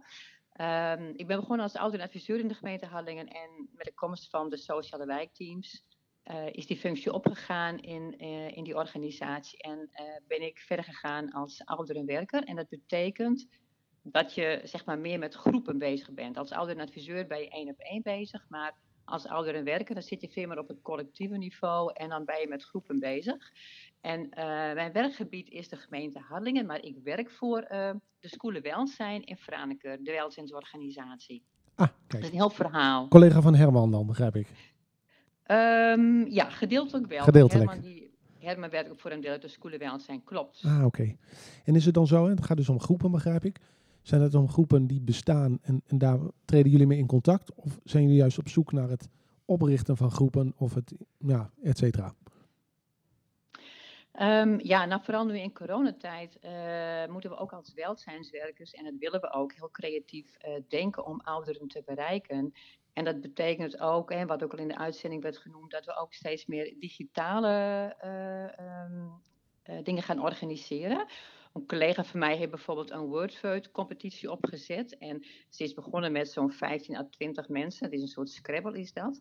En ze heeft er nu 94 mensen, hoorde ik vanmorgen. En eh, dus steeds meer mensen die sluiten zich daarbij aan. En je ziet ook dat mensen dan ook weer onderling contacten hebben met elkaar. Ja, ja. En eh, dat zijn gewoon leuke, leuke dingen. Maar daarnaast ben ik zelf in, eh, in de gemeente Hallingen ook eh, bezig om heel kleine initiatieven op te zetten. Op, op klein niveau ook mensen bij elkaar te brengen. Ik heb bijvoorbeeld een, een wandelgroep opgezet. Nou, we zijn nu met acht mensen. En we gaan iedere dinsdag wandelen met elkaar. En eh, ja, goed, het is redelijk veilig in deze coronatijd. Maar je drinkt even een bakje koffie van tevoren. Je ontmoet elkaar, je maakt even een praatje en je gaat dan even een uurtje wandelen. Dus je bent ook in beweging en ook voor je geestelijk functioneren. Je hebt het gevoel dat je er even ergens bij hoort. En, eh, nou, en dat, dat doet mensen ook goed. En ja, zo heb je op meerdere niveaus ook meerdere activiteiten natuurlijk. Dus daarin moet je wel creatief blijven eh, denken. En is, het, Ehm, is het zo dat daarbij de, de, de, ehm, zeg maar, het enthousiasme of eh, de begeleiding van een professional toch wel noodzakelijk is? Of, of eh, gaat zo'n wandelgroep door als de professional wegvalt? Want het lijkt me nogal Nou. arbeidsintensief namelijk om... eh, Ja, klopt. Ja, nou, dat, dat, dat, ehm, eh, het is wel arbeidsintensief, maar je moet ook kijken van wat levert het op. Want ik werk zelf ook met studenten, met stagiaires en zij gaan ook mee, mee wandelen. En zo nu ga ik zelf ook mee wandelen. En we hebben ook eh buurtsportcoaches in, eh, in Harlingen. Die eh, denken met mij mee en die zetten ook beweegactiviteiten op. Dus het is ook een beetje aftasten van wanneer ben je wel en hoeveel tijd steek je daarin. En, maar ik, ik merk bij mezelf wel, en dat merk ik ook aan de groep, ze vinden het fijn als je een keertje meeloopt en ook even een praatje aangaat. En dat je ook zichtbaar bent als welzijnswerker. Uh, het is natuurlijk wel de bedoeling dat, dat een, een, een, wandelgroep, of we hebben ook een fietsgroep, dat die na verloop van tijd ook zelfstandig verder gaat. En uh, dat we er niet voortdurend bij blijven. Dan kunnen we ook weer een nieuwe groep opzetten. Zo, zo werkt dat dan. Ja, precies. Nou ja, ik vraag het ook een beetje omdat ik zelf wel eens met het idee worstel. Hè. Kijk, in veel gevallen gaat het om hele simpele dingen, namelijk persoonlijke aandacht. Ja. En ja. Uh, dat die persoonlijke aandacht, als we verwachten dat het altijd vanuit een professional wordt georganiseerd, heb je Mhm. heel veel professionals nodig. Terwijl het eigenlijk een heel persoonlijk, menselijk iets is, wat eigenlijk iedereen wel in zich heeft. Ja. Zou er een andere manier zijn waarop we dat kunnen organiseren? Dat, uh, nou ja. Nou ja, ik, ik, ik, denk zelf, je kunt als professional wel iets in, uh, in gang zetten. En het is natuurlijk ook wel mijn opdracht als, uh, als ouderenwerker. Maar wel met de bedoeling dat mensen ook uh, dan ook, ook zelf contact te leggen met andere mensen. En we zeiden dus ook al van nou, het, het netwerk is heel belangrijk als het gaat om een stukje eenzaamheid. Dat je ook mensen om je heen hebt waar je even terecht kan voor een praatje of voor een belletje. Uh, maar mensen moeten ook zelf geactiveerd worden om uh, dingen op te zetten. En dan is die samenwerking op lokaal niveau is natuurlijk heel belangrijk. Um, je kunt het niet altijd blijven ondersteunen. Dat kost inderdaad heel veel tijd en geld. Maar je moet, wel een, je moet het wel aanjagen. Je moet wel een aanzet geven en mensen in beweging brengen. Ja. Nee, ik denk in dat dat- december ja. hebben wij bijvoorbeeld een, een, een actie met, uh, met, met hem. Dan proberen we zoveel mogelijk ouderen een kaartje te brengen. Met, met een gedachte erop van een beetje warmte in deze koude tijd. En in januari gaan we dan een soort koffiemokje uitdelen. Maar dan willen we wel de, de, de inwoners van Harlingen willen we daarmee activeren om een kopje mokje, koffiemokje op te halen en dat uit te delen aan iemand in hun buurt waarvan je denkt, hé, hey, die kan wel een beetje, beetje aandacht gebruiken of ik leg daar eens contact mee of uh, ik zie die persoon nooit. En dus je moet wel die beweging met elkaar uh, op gang brengen, want dat kun je nooit in je eentje als professional, dat lukt je niet. Moet je ook niet willen. En is dan het onderwerp eenzaamheid voor een ouderenwerker ook wel het belangrijkste onderwerp? Voorkomen dat mensen alleen thuis zitten, niks te doen hebben? Ja, nou, ik, ik merk zelf wel dat, dat het woord eenzaamheid, dat, heeft de laatste jaren zo'n impact gehad. Ook in de denkwijze van, van, van, van, uh, van mensen, maar ook van professionals. Het is soms ook een woord wat een beetje, een beetje afstoot. Uh, we hebben in Hadding gezegd van we gaan met meerdere partijen, hè, vrijwilligersorganisaties, gaan we onder de paraplu van Samen voor elkaar gaan wij verder. En daar hangen we allemaal projecten onder. En dan kunnen we misschien het woordje eenzaamheid uh, een, een beetje, beetje aan de kant schuiven. Want het, het is soms ook een beetje deprimerend en je weet soms ook niet zo goed als professional hoe je het moet benoemen. Uh, ja, en, en eenzame mensen, als je daar iets voor gaat organiseren, je krijgt ze echt niet binnen met dat woord. Nee, ben, bent u eenzaam, dan bent u van harte welkom. Ja. Nee, dat kan ik ja, me voorstellen. Dat, ja. Mensen, mensen, daar ligt toch wel een bepaald taboe op. Dus misschien moet je het over een bepaalde kwetsbaarheid hebben. En die hebben wij natuurlijk allemaal als mensen. Uh, als jongeren, ja. als ouderen. Hè? Uh, dus je zou het misschien ook wat anders kunnen gaan benoemen. Maar je moet via de, de sterkere, de gezonde ouderen tussen aanhalingstekens, moet je toch die kwetsbare ouderen zien te bereiken.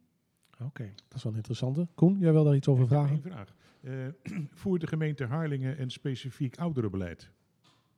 Ik, ja, ik, ik, versta, ik verstond het even niet. Nee, nou, ik vertaal de vraag wel even. De vraag is, uh, voert de gemeente Harlingen een specifiek ouderenbeleid?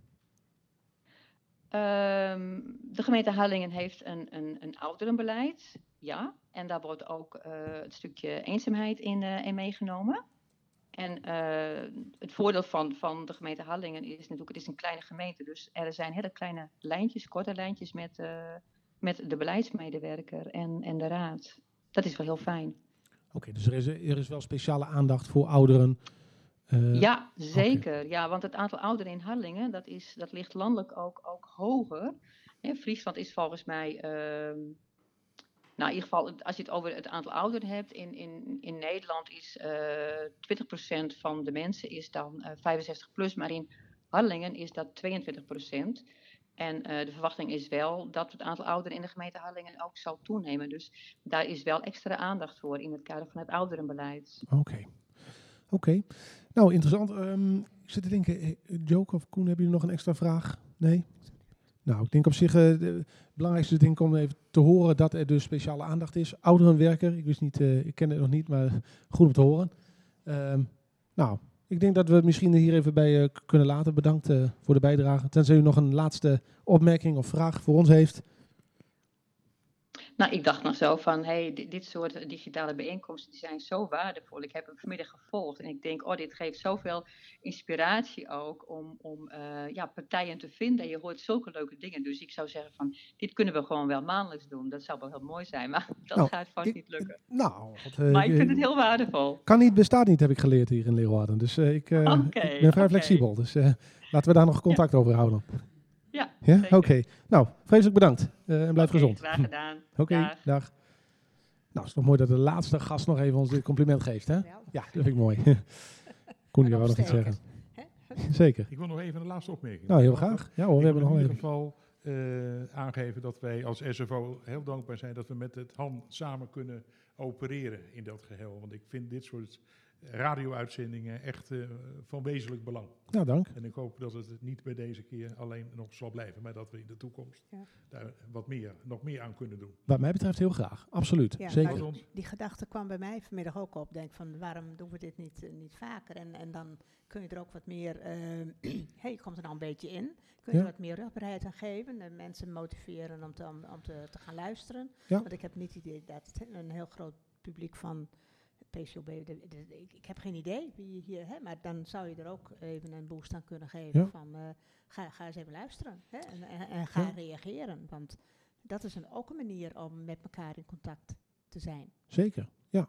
Nou ja, eh, eh, fijn dat jullie beide die opmerking maken. En ook onze laatste gast. Dus daar, daar- zeker werk ik daar graag aan mee. En nou, in ieder geval hebben we bijvoorbeeld in Leeuwarden hebben we een samenwerking met de lokale omroep. omroep Leo Middelzee. Deze uitzending wordt ook daarop herhaald. Dus eh, ik denk ook in dat via de ether eh, bereik je weer ook een specifieke doelgroep die niet via de computer luistert. Ik denk dat dat goed is om dat op verschillende manieren eh, naar buiten te brengen. Dan herhaal ik ook nog even dat dit, is een initiatief vanuit het HAN, Meer Gezonde Jaren Radio. En via de website, het is een wat lange website, maar meergezondejarenradio.nl is het ook mogelijk om te reageren, verzoekjes in te dienen, suggesties voor onderwerpen voor de radio-uitzending. Allemaal van harte welkom. En ehm, ja, als ik even terug denk aan de gasten die we hebben geha- gehad vandaag. Volgens mij, wat ik een beetje ehm, als rode draad herken, is dat eh, die gemeenschappen heel belangrijk zijn in het voorkomen of tegengaan van ehm, eh, eenzaamheid. Maar dat eh, dit oprichten of begeleiden van die gemeenschappen heel arbeidsintensief is. En dat we volgens mij, en ik ben wel benieuwd misschien hoe de, hoe de Raad van Ouderen daar ooit mee omgaat of wat voor ideeën die daar leven. Hoe organiseer je als maatschappij nou zo'n heel arbeidsintensief proces? Ja, dat is de, eigenlijk de hamvraag. De hamvraag, ja. Eh, nou, maar ik, wat, ik heb dat al eerder vanmiddag gezegd. Want eh, wil je op een verantwoorde manier eh, in de relatie ouderen en eenzaamheid eh, een rol kunnen gaan spelen? De vraag is of er überhaupt de overheid als zodanig een rol moet gaan spelen. Maar we moeten het wel faciliteren. Maar ik denk dat het primair toch is, en dat blijkt in de coronadiscussie, dat is eh, toch een cultuurprobleem. We hebben een cultuur waar ouderen eigenlijk niet eh, op de juiste manier worden gepositioneerd. Ze worden eigenlijk, wat je eerder aangaf, weggehouden bij de maatschappij. Ja, ik heb daar een hele, nou, ik heb daar een hele cynische voor. Dat als, als het moment dat je met pensioen gaat, dus dat je stopt met werken, dan is er een geheime plek in Nederland waar op je kaart van het eh, bevolkingsregister de letter S wordt geplakt. Seniel. Erg negatief. eh. Nou ja, maar het is misschien wel goed om het even goed, eh, eh, misschien wat extra aangedikt te benoemen. Dat helpt Dat zijn altijd in. bandlijnen die ik graag gebruik.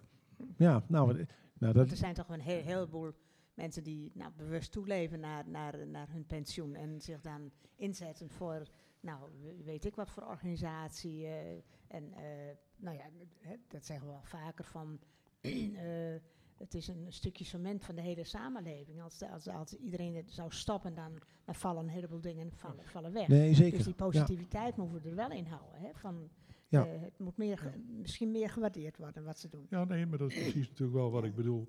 Want waar ik te, eh, tegenaan hik, is toch eh, eh, dat ontkend wordt dat ouderen ook een economische kracht en, en macht hebben. Ja. En dat hebben we wel degelijk. Wat ik net zei, van eh, als ouderen gaan staken, dan hebben we met z'n allen een groot probleem hoor. Ja, zeker.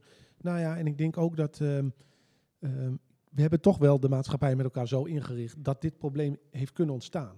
En dat er een groep is die meer moeite heeft met de maatschappij, extra hard getroffen wordt op dit onderwerp. En daar moeten we, moet iedereen zich verantwoordelijk voor voelen, denk ik. Dus, ehm, nou, is dat een mooie conclusie? Zo na twee uur eh, radio maken? Ja? Wordt hier instemmend geklinkt. Helemaal tevreden. Bedankt. Nou, jullie ook bedankt. Ik vond het heel prettig. Eh, dus, eh, nou, eh, hierbij volgens mij de toezegging. Dus, nou, dat is toch een belangrijke basisvoorwaarde. Hè? Voor, eh, nou, dan gaan we dit eh, nog vaker doen, stel ik voor. En eh, we gaan afsluiten, stel ik voor. Rinke, ben jij klaar voor nog een eh, stukje muziek?